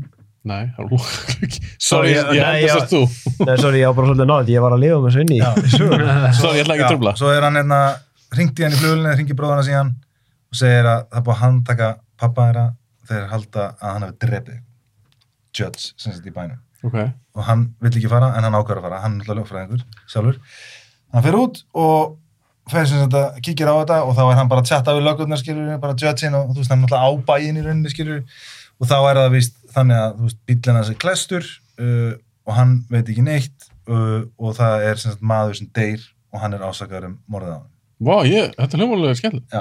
Og, Já, hann, áhugavert. og það var þetta sem sagt saga og það sem að, síðan, ég veit ekki hvað maður á, maður- hversu langt maður á að segja það, því- Ekki ekki sem fróland, því mér Nei. langar alveg að sjá hana. og svo þú veist Eru þeir að berjast í domstólnum eða er, segir, er Downey að verja hann? Downey fer síðan aðverjan okay. en hann fær ekki, þú veist, fyrst og eitthvað það er svona, þú veist, að það er ekki, myndin er ekki alveg bara þar, sko, það Nei, þetta er bara ekki smá- courtroom drama, nei, sko. það er bara svona Ok. smá síkvens af myndin sem er þar, sko að því svo kemur ákveðið mér í ljós með pappan, þú veist, hvað er í gangi með hann, þú veist, er eitthvað annað að gerast og eitthvað bla og þeir svona ná saman síðan sem einhverjir vinir svona fyrir eftir. Sonur, ég, ég, Já. ég draf mömmu en ætla að fá þig aftur í bæjun. já, já, já, já, akkurat Hver leikst þessar mynd? Er það Eh, Scott Cooper? Já, nei, hann heitir hérna, þetta er hann hérna gæinn sem leikst í fokkin Eurovision hvað heitir hann? Eitthvað Dúbkin Ég man það ekki. Nei, ég skrifa Oh Ég ætla að tala um það. Er þetta svona dæmi eins og hann Dave- hérna, David, David Dobkin David. Já. hann leikstýrir algjörum svona svoleiðsmyndum eitthvað, hérna Eurovision og, og þú veist Mm. Já. og hérna, hérna The Switch, eða hvað heitir hún þarna, það sem er Change Up hérna með ah, Ryan Reynolds og honum gaur það sem er skiptum Já, The Spurns. Patrick Bateman. Nei, hvað heitir Jó, hann? Patrick, nei, Nei. ekki Patrick Jason Bateman. Bateman. Jason Bateman. Jason Bateman. Já, hann leikstýrir svona myndum og svo kemur þessi mynd sem er bara eitthvað svona allt annað ég, já það, Sturlu, sko. þetta er líka fyrsta myndin sem Downey framleiti með, Einmitt, með já, já. einhverju fyrirtæki sem hann stopnaði. já, með konu sinni Já, þetta var eitthvað passion project hjá hann, þannig ég er náttúrulega ekki skæður þetta er, þú veist, Já. jú, jú, Downey var náttúrulega he- syndandi í peningum at this point, en þetta var mér á, fyrir þetta var fyrir Avengers 2 og Infinity War, Já. þannig að ég held Hann átti pening en hann átti ekki all já, the money. já, þar, þar sem ég held er nefnilega að þeir þurfum alltaf að fá einhvern leikstjóra fyrir þetta en ég held að ef Downey hefði beðið í smástund þá hefði hann örgulega geta fengið einhvern eilist leikstjóra fyrir þetta sko. Málið er sem bara að þarna kemur þetta svolítið sem við erum að tala um er að handriti er bara þrusu fokkin gott mm Mhm. og það er bara þrusu sólið, jú, jú, þetta er rosalega ameríst á köflum, skiljum þetta er alveg þar, þú veist, fer alveg þangað en hún er bara svo hún hittir, hún er með svo mikið streng, sko, svona hjarta strengi gegn, sem einhvern veginn við ætla ekki að fara að lasta einhverja leikstunni eitthvað, en þetta er rosalega mikið saga sem er rosalega mikið svona, þú með góða leikara bara put the camera up Bara og- point and Já, shoot. point and shoot, sko þú veist, það er ekkert eitthvað flashy dæmi í þessari mynd, skilja, þetta er bara svona karakter með þessu plotti sem að er að þeir eru að tengja og svo er það sko líka punkturinn það sem er svona hangandi við sögunni líka er að hann er að skilja Downey og hann á badn sem er eitthvað svona tvista og svo hittar hann eitthvað gamla kæristu og eitthvað bla, það er svona þú veist Það er svo, finnst þér að tala um svona point and shoot að maður hefur alveg upplifað þetta til dæmis eins og en ég persónulega upplifað þetta ekki en ég hef, ég hef heyrt af fólki sem til dæmis er í leikhúsum Mhm. þegar þau eru með einhvern svona frægan farsa mm -hmm. sem er þú veist, það sem þetta er bara það er ekkert ringsett eða neitt þannig það er settið er bara fucking kofi fattur já, já, og það er bara hurð sem þarf að opnast og lokast Já. en þetta er svona þegar þú ert með geðkóðan farsa og þú ert með solid kast þá eru sumir sem hafa sagt bara þeim finnst eins og leikstjórnir þurfi ekki að því, að því Já. Mm. handrið er bara það, það er að, að vera að segja okkur nákvæmlega hvað það er að gera Skipið, skipið er bara að sigla á beinum sjó. ég, ég var bara nóg heppin að ég upplifði það ekki þegar ég var í hérna þegar ég var líkið þarna í neira áður Nei. að, því- að ég steppi aftur svo sem er í sildirspunni, bara eitt besti leikstur sem ég unni með af því ég hef aldrei það sem hann var að gera þarna var, það var ekki eitt af þessum dæmum en ég hafði bara eins svona sögur með þetta því ég man bara svona hvað mér fannst þetta interesting process með við farsan og efnið og því handrið var svo rosalega þú veist, detailed og allt það mér var samt bara svo magna hvað hann var að koma með en mér er svo magna þegar það eru point and shoot myndir en svo er líka til þú veist, leikrit sem eru bara Já, svona já. Alveg, ja, í rauninni þetta getur bara sagt þér sjálf já, já. Þart bara einu líka við leikstur. en já, en þessi mynd er alltaf eitthvað ég hef hort á hana alveg fáránlóft af því þetta er rosalega öðmynd bara einhvern veginn að sitja á, sérstaklega á sopni þetta er eina af þessum myndir sem ég horfa ofta bara setja hann í gang og svo er ég alltaf að finna staðin sem ég sopnaði yfir alltaf horfa á hana Það En er líka, eins og þú sagði, þetta var ekki kortrúm drama en er samt líka, því ég elska svona löffræði Já, Já, það það, ge- kemur já. alveg smá og Bi- bi- Downey já. er alveg fokkin flottur það sko Af því að þetta er, hann er alveg að leika svolítið Robert Downey Jr. skilur Já, en þetta er samt Æ, Og- þú veist, að það er meira hjarta í honum skilur. Svo er Af því líka- að það er eitthvað þú veist, í gangi skilur. Já, svo er líka Billy Bob Thornton með þessa fucking Alveg- kaffikönnu. Já, alveg, já, hann leikur Hva- hann að stjörnu Já, heimlöfræðing já, hann er með eitthvað svona makeshift kaffekönnu. Já, Þetta var já. náttúrulega svo sci-fi með prop. svona, Svona, svona, já, svo er líka okkar maður hérna, Judge Holden í henni. Nei, D'Onofrio? Winnie D. Já, hann, hann leikur bróður hans Vinny D. bróður hans Downey Ég var eitt stutt á hann og ég geftur mitt bygg Já. Já, ok, Yes. yes. höfum þetta bara stutt af því að við erum að nálgast núna aðra tvo tíma ég ætla að segja eitt annað þú get, þetta er ekta mynd sem þú getur horta á með kærastin Já, það eru zombiðar eini Er þetta Nei. post-apocalyptic? er, er þetta ekki meira Er eitthvað þetta horror? svona létt með Jú, Er þetta eitthvað svona murder mystery dæmi? Kærasta mín vil bara Já. helst zombi Já, og- og- já, ok, Robert Waller í henni. já hann er hálfkjært samt Einn spurning var þetta Robert Downey Jr. Nú er hann búinn náttúrulega í þessu Marvel-dóti Ég vona að komi aldrei aftur Ég held hann snýr aftur. oh, Ég vona ekki Hann er í Oppenheimer Til dæmis núna í sumar Fuck. Litlu hlutur ekki þar Já. Mm. Er hann trúmann? Veitum við hver hann er? Já, ah, nei, ég helst ekki trúan Matt Damon er General Groves, eða ekki? Jú. Ég man ekki hvern Downey er Ég held þess ekki trúan Skipt ekki öllum máli Mín spurning til ykkar er Hvernig sjáu þið fyrir ykkur núna ferin hjá Robert Downey Jr. eftir hann er búinn, hann núna alveg hættur í þessu Avengers-dóti? Já, hann vil heldur ekki En fara í Marvel? indie-myndir lengur. Þú veist, Hvað er að tala um? Er hann að fara bara að leika í, fáið Sherlock Holmes 3? Nei, ég, ég held að við fáum Oppenheimer og svo kemur hann ekkert aftur fyrir bara nokkrum árum setna. Jú, hann er náttúrulega að fara að leika í hérna Shane Black myndinu. Alveg rétt. mér finnst Er Black Hammer að gera nýja mynd? Ég man ekki um hvað hann var. Nei. Var hann ekki, þú veist, hann er eitthvað svona detective eða eitthvað svo Já, liðst. það var eitthvað in development. Þetta, þetta er rosalega svona kiss kiss bang bang nice guys vibes hérna frá premissinu sem maður las. Okay. Ég veit ekki, hann gæti náttúrulega bara sett sjálfum sig á kúpuna með að framlega fleiri Dr. Doolittle myndir. ég meina hann myndi ekki já, mér, mér finnst hann ætti að gera eitthvað að fara í meira svona indie og, og, og þú veist, gera eitthvað svona góðar sögur Ég meina, þú veist, þessi Judge er alveg gott dæmum bara svona, já ok, ef hann ætlar að fara meira þangað, þú veist, bara gott stöf skilur við, En sjáu þið hann fyrir ykkur fara í eins og núna leik, eins og í Oppenheimer, Mhm. hann er ekki aðalverk. nei, En hann vinna um flottu leikstjóra, já, alltaf sé að fara að leika sem meira þar. getur vel verið þá þarf náttúrulega að minna, minni á hans herðum einhvern veginn og minni tími skilur við, mm. leik kannski einni mynd og fengi nokkur Veist- hundru úr stali Ég kannski basically, ef við þurfum um, þurftum umvára spurninguna, er hann að fara að vera meiri leikari eða ætla hann að vera kveikmyndstjörna? Ég held að hann vilji vera leikar, hann er alltaf í þessum þáttum að sem hann leikur fjóra karaktera eða eitthvað svo leiðis eða ekki. ha, Hvað hættur það? Ég veit það ekki, ég, beit, ég bara heyrti um það. bara að búa eitthvað til ég er bara að bulla. Nei, þú veist, ég, ég var alveg til að sjá hann fara í meira eitthvað, að leika bara með einhverjum flottum leikstjórum, þó að sé ekkit aðalverk. Ég held að það besta fyrir hann væri að hætta að vera svona leading man að ég held að hann, þú veist, hann er- þetta er ekki 60 ef hann er ekki orðin 60 Ég er líka búin að master, eða, þú veist, hann var í þessu MCU-dótið, stærsta tíðanbili hjá Marvel, hvað hefur hann að sanna? já, en ekki neitt. Nei. Þannig af hverju fyrir hann ekki kannski vonandi að fara meira í leiklist, af því að hann er hörkuleikari, Mhm. var að leiki fullt af skemmtlum áhverjum myndum á hann að var Tony Stark. og hann getur, hann þarf aldrei, hann þarf ekki peningin hann getur Nei. gert hvað sem hann vil Já, Hann er að leika- hann er að leika Louis Strauss í Oppenheimer. Já. hann, er, hann er með eitthvað á rætti, Sympathizer og er þetta ekki Shane Black myndin ég var að fletta þessu? Þeir eru konar- Ólegar, Play Dirty. play dirty Play Dirty, ok. Er það eitthvað sem einnig spilaðu var? skítugur Já, og þetta er, þetta er frá, sem sá sem er að skrifa þessa mynd er Shane Black og gæinn Anthony Bagarassi sem skrifaði næskæðis með honum. Ok, cool. Herðu, förum að klára þetta.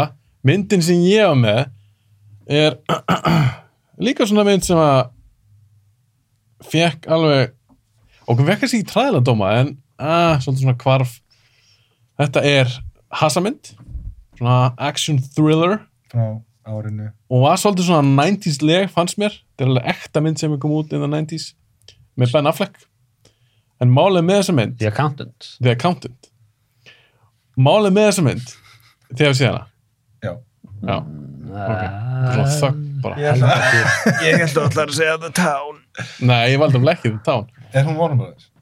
The Accountant. Nei, Warner Brothers. Nei, Við erum alltaf svo rugglar, heitir inni Town. The Town er vonum bara Já. Er hún ekki 2009? Er hún 2010? 2010. já, sorry, ég held að Hún Ah. hefði, hefði slappið í þessu Ég ætlaði mögulega vel hana, en ég valdi því accountant að þeir, það sem ég veist áhverð þessum mynd Mhm. er að það er betri sagi í henni heldur þess sagan sem var sögð Ah, Já. skiljið hvað við Já, það, það, er, það er hérna, það er sérst bræður í þessar mynd Affleck og John Bernthal mm -hmm. leikar sér reyndar, meik ekki Eh, en þeir, hvað var þetta? Uh, bara leika- fyrir fyndið að tróða þín þeir leika bræður í þessar mynd og, kaupir það ekki? jú, jú, það það er ekkert með það að gera hann bara hatar John Bernthal Já. Mér finnst bara John Bernthal alltaf vera í það sem ég kalla bara acting mode. Mér finnst ég alltaf vera að horfa á leikara. Eh, Og það er svo svag, og alveg bara stundum alveg bara þvílít, bara... og ég bara, wow, þú ert svo mikið að leik. Ég, ég bara, ég man ekki eftir að sé performance frá honum sem er innlagt, finnst mér. Ok, Er það að hugsa um eitthvað performance? Ég, ég finn ekkert, ég finn ekkert. Ekki sem þetta er hug. Mér finnst það kannski skástri í Wolf of Wall Street, það er hann er í mm, bílut lúðvikið þar. en jafnvel þar, hann er svolítið Já, Mm. hann er samt svona, hann er að leika. Og mér finnst hann alltaf vera að leika. Mm. Hvað finnst þér um svona mid-2000s acting? Þú sér þetta mikið eins og í The Ghost Whisperer og svona, Já. það sem þetta er svona það er einhver ofleikur í gangi, þetta er alltaf svona sama væp af sjónvarps ofleik sem er einhvern veginn, þetta er ekki slæmt en þetta er ekki, þetta er ekki eins og acting Já, en sumir, sumir pulla af eins og eitt af uppáhald sjónvarsperformansunum mínum ever er John C. McGinley sem Dr. Cox í Scrubs en þetta er Það- heightened performance það er ekki, það er ekki mid-2000s acting Þa, það er acting in the mid-2000s en það er ekki mid-2000s Já, acting ok, ok, ok, ok. En þú varst að segja það. Pointum þetta er, ég hef viljað, að því að sagan er eitthvað, Anna Kendrick leikur í þessari mynd, sem varst, reynd- mér finnst ekki skemmtileg leikuna, og mér finnst þú miskast í þessari mynd. Þið er alltaf Mér finnst Affleck, samt- mér finnst Affleck skemmtileg í henni, hann leikur alltaf mjög sérstakar, hann er svona savant karakter. En byrju, hver er búin að sjá hana? Ég? Þú, og þú Ég. yeah. Og það er eitthvað svona mystery, hann er eitthvað, þarf að venda hann, eitthvað bla bla. Mér varst svo sagirinn ekkit áhugaverð. Það sem mér varst áhugaverðara Mm. er þessi bræður Mhm. og uppeldið sem fá, fá frá pappa sínum pappa er, er e, manni hvort það var hersöngjan, allavega í hernum bara hvernig hann elar þau upp hann hann er rosa svona tough love dæmi í gangi mér varst það alveg svona skemmtilegt dæmi en það er bara svona lítill partur af myndinni og ég hugsa alltaf með mér, af hverju af hverju er þetta ekki bara myndin Mm. Mhm. Já, þetta er góða punktur. vegna þess að Ég man eftir því að horfa á hana, uh, ég man ógeðslega lítið eftir henni. af Því að hún er bara eft, ekki eftirminnileg fyrir mér. en hún er, málega, hún er eftirmjölum fyrir mig af því En að ég mér man- varst þetta ég man alltaf eftir þessu Já, ég Bara- man, ég man samt, ég mér rámar... Þetta er röng saga sem hún er að segja. Já, já, akkurat. Já, það er vittlust fókuspunktur einhvern veginn á viðfánsefninu. og Affleck karakterin er alveg cool og það er, alveg- það er meira svo cool action í henni Já. það er ekkert mikið að því, þetta er ekki beint svona fullbón hasa mynd Nei. en hún er bara svo eftirminnið þess að ég ræða hana núna því ég hef ekkert mikið rætt því að kántum því svo þætti í podcastinu Hvað? að því ég er bara svona, ah, hvernig gæst ekki séð Já. þetta er ekki saga sem þú ættir að segja Og þess vegna er þetta alltaf jafn áhugavert þegar þú ert með eitthvað svona leikara sem er líka leikstjóri og handriðsöndur sem að sér þetta ekki. Mm. já því að þetta áttur að spotta þú lest það Ég segi það, bara herruðu, okkur eru ekki hér í stæðan fyrir að vera þarna. ég heldur endur að þetta gera framhaldsmynd já, til ég, Já, já, til ég þá kannski fókus svona á réttu hlutur herru, ég hef ekkert meira að segja um þessa mynd, þetta var bara svona síðasta pekki the last pick. The Accountant, við erum ekkert að enda okkur high note fínasta ræma, ég vildi nýta hennar þátt þess að koma með eitthvað svona ekki, ekki Inception og Dark Knight og, Já. og eða Blade Runner 2 ég Núna er hann að svo- skjóta á byggingar og núna Eða ætlum við að fara Steven að rænka Seagal og núna ætlum við að fara að rænka með þar Já, Hver er, Eða- besta, hver er besta 20s? Dune? Batman? Best, besta 20s, ég meinar er frá þá 20 2020. til 23 Yeah. hinga til þá, Já. væntalega. The Batman ég er The náttúrulega Batman. bara- ég er náttúrulega bæðist Ég held að The Batman komið svo óvart að ég horfði ekki á neitt promotional material sem mæti í bíóið og svona, ó, heyrðu, hún er bara skemmtileg Ég ætla Vá, að segja, ég er hann að ég ætla að hugsa. segja, ég ætla að segja Doom Part 2. hún er ekki komin út ég ætla bara, ég held líka Oppenheimer eigi eftir að já, koma á óvart það er ekki vonum bróðis. Nei, já, við erum bara að tala um Warner Bros Já, kallið minn. já, við erum alltaf í Warner Hvað Bros þætt er þú?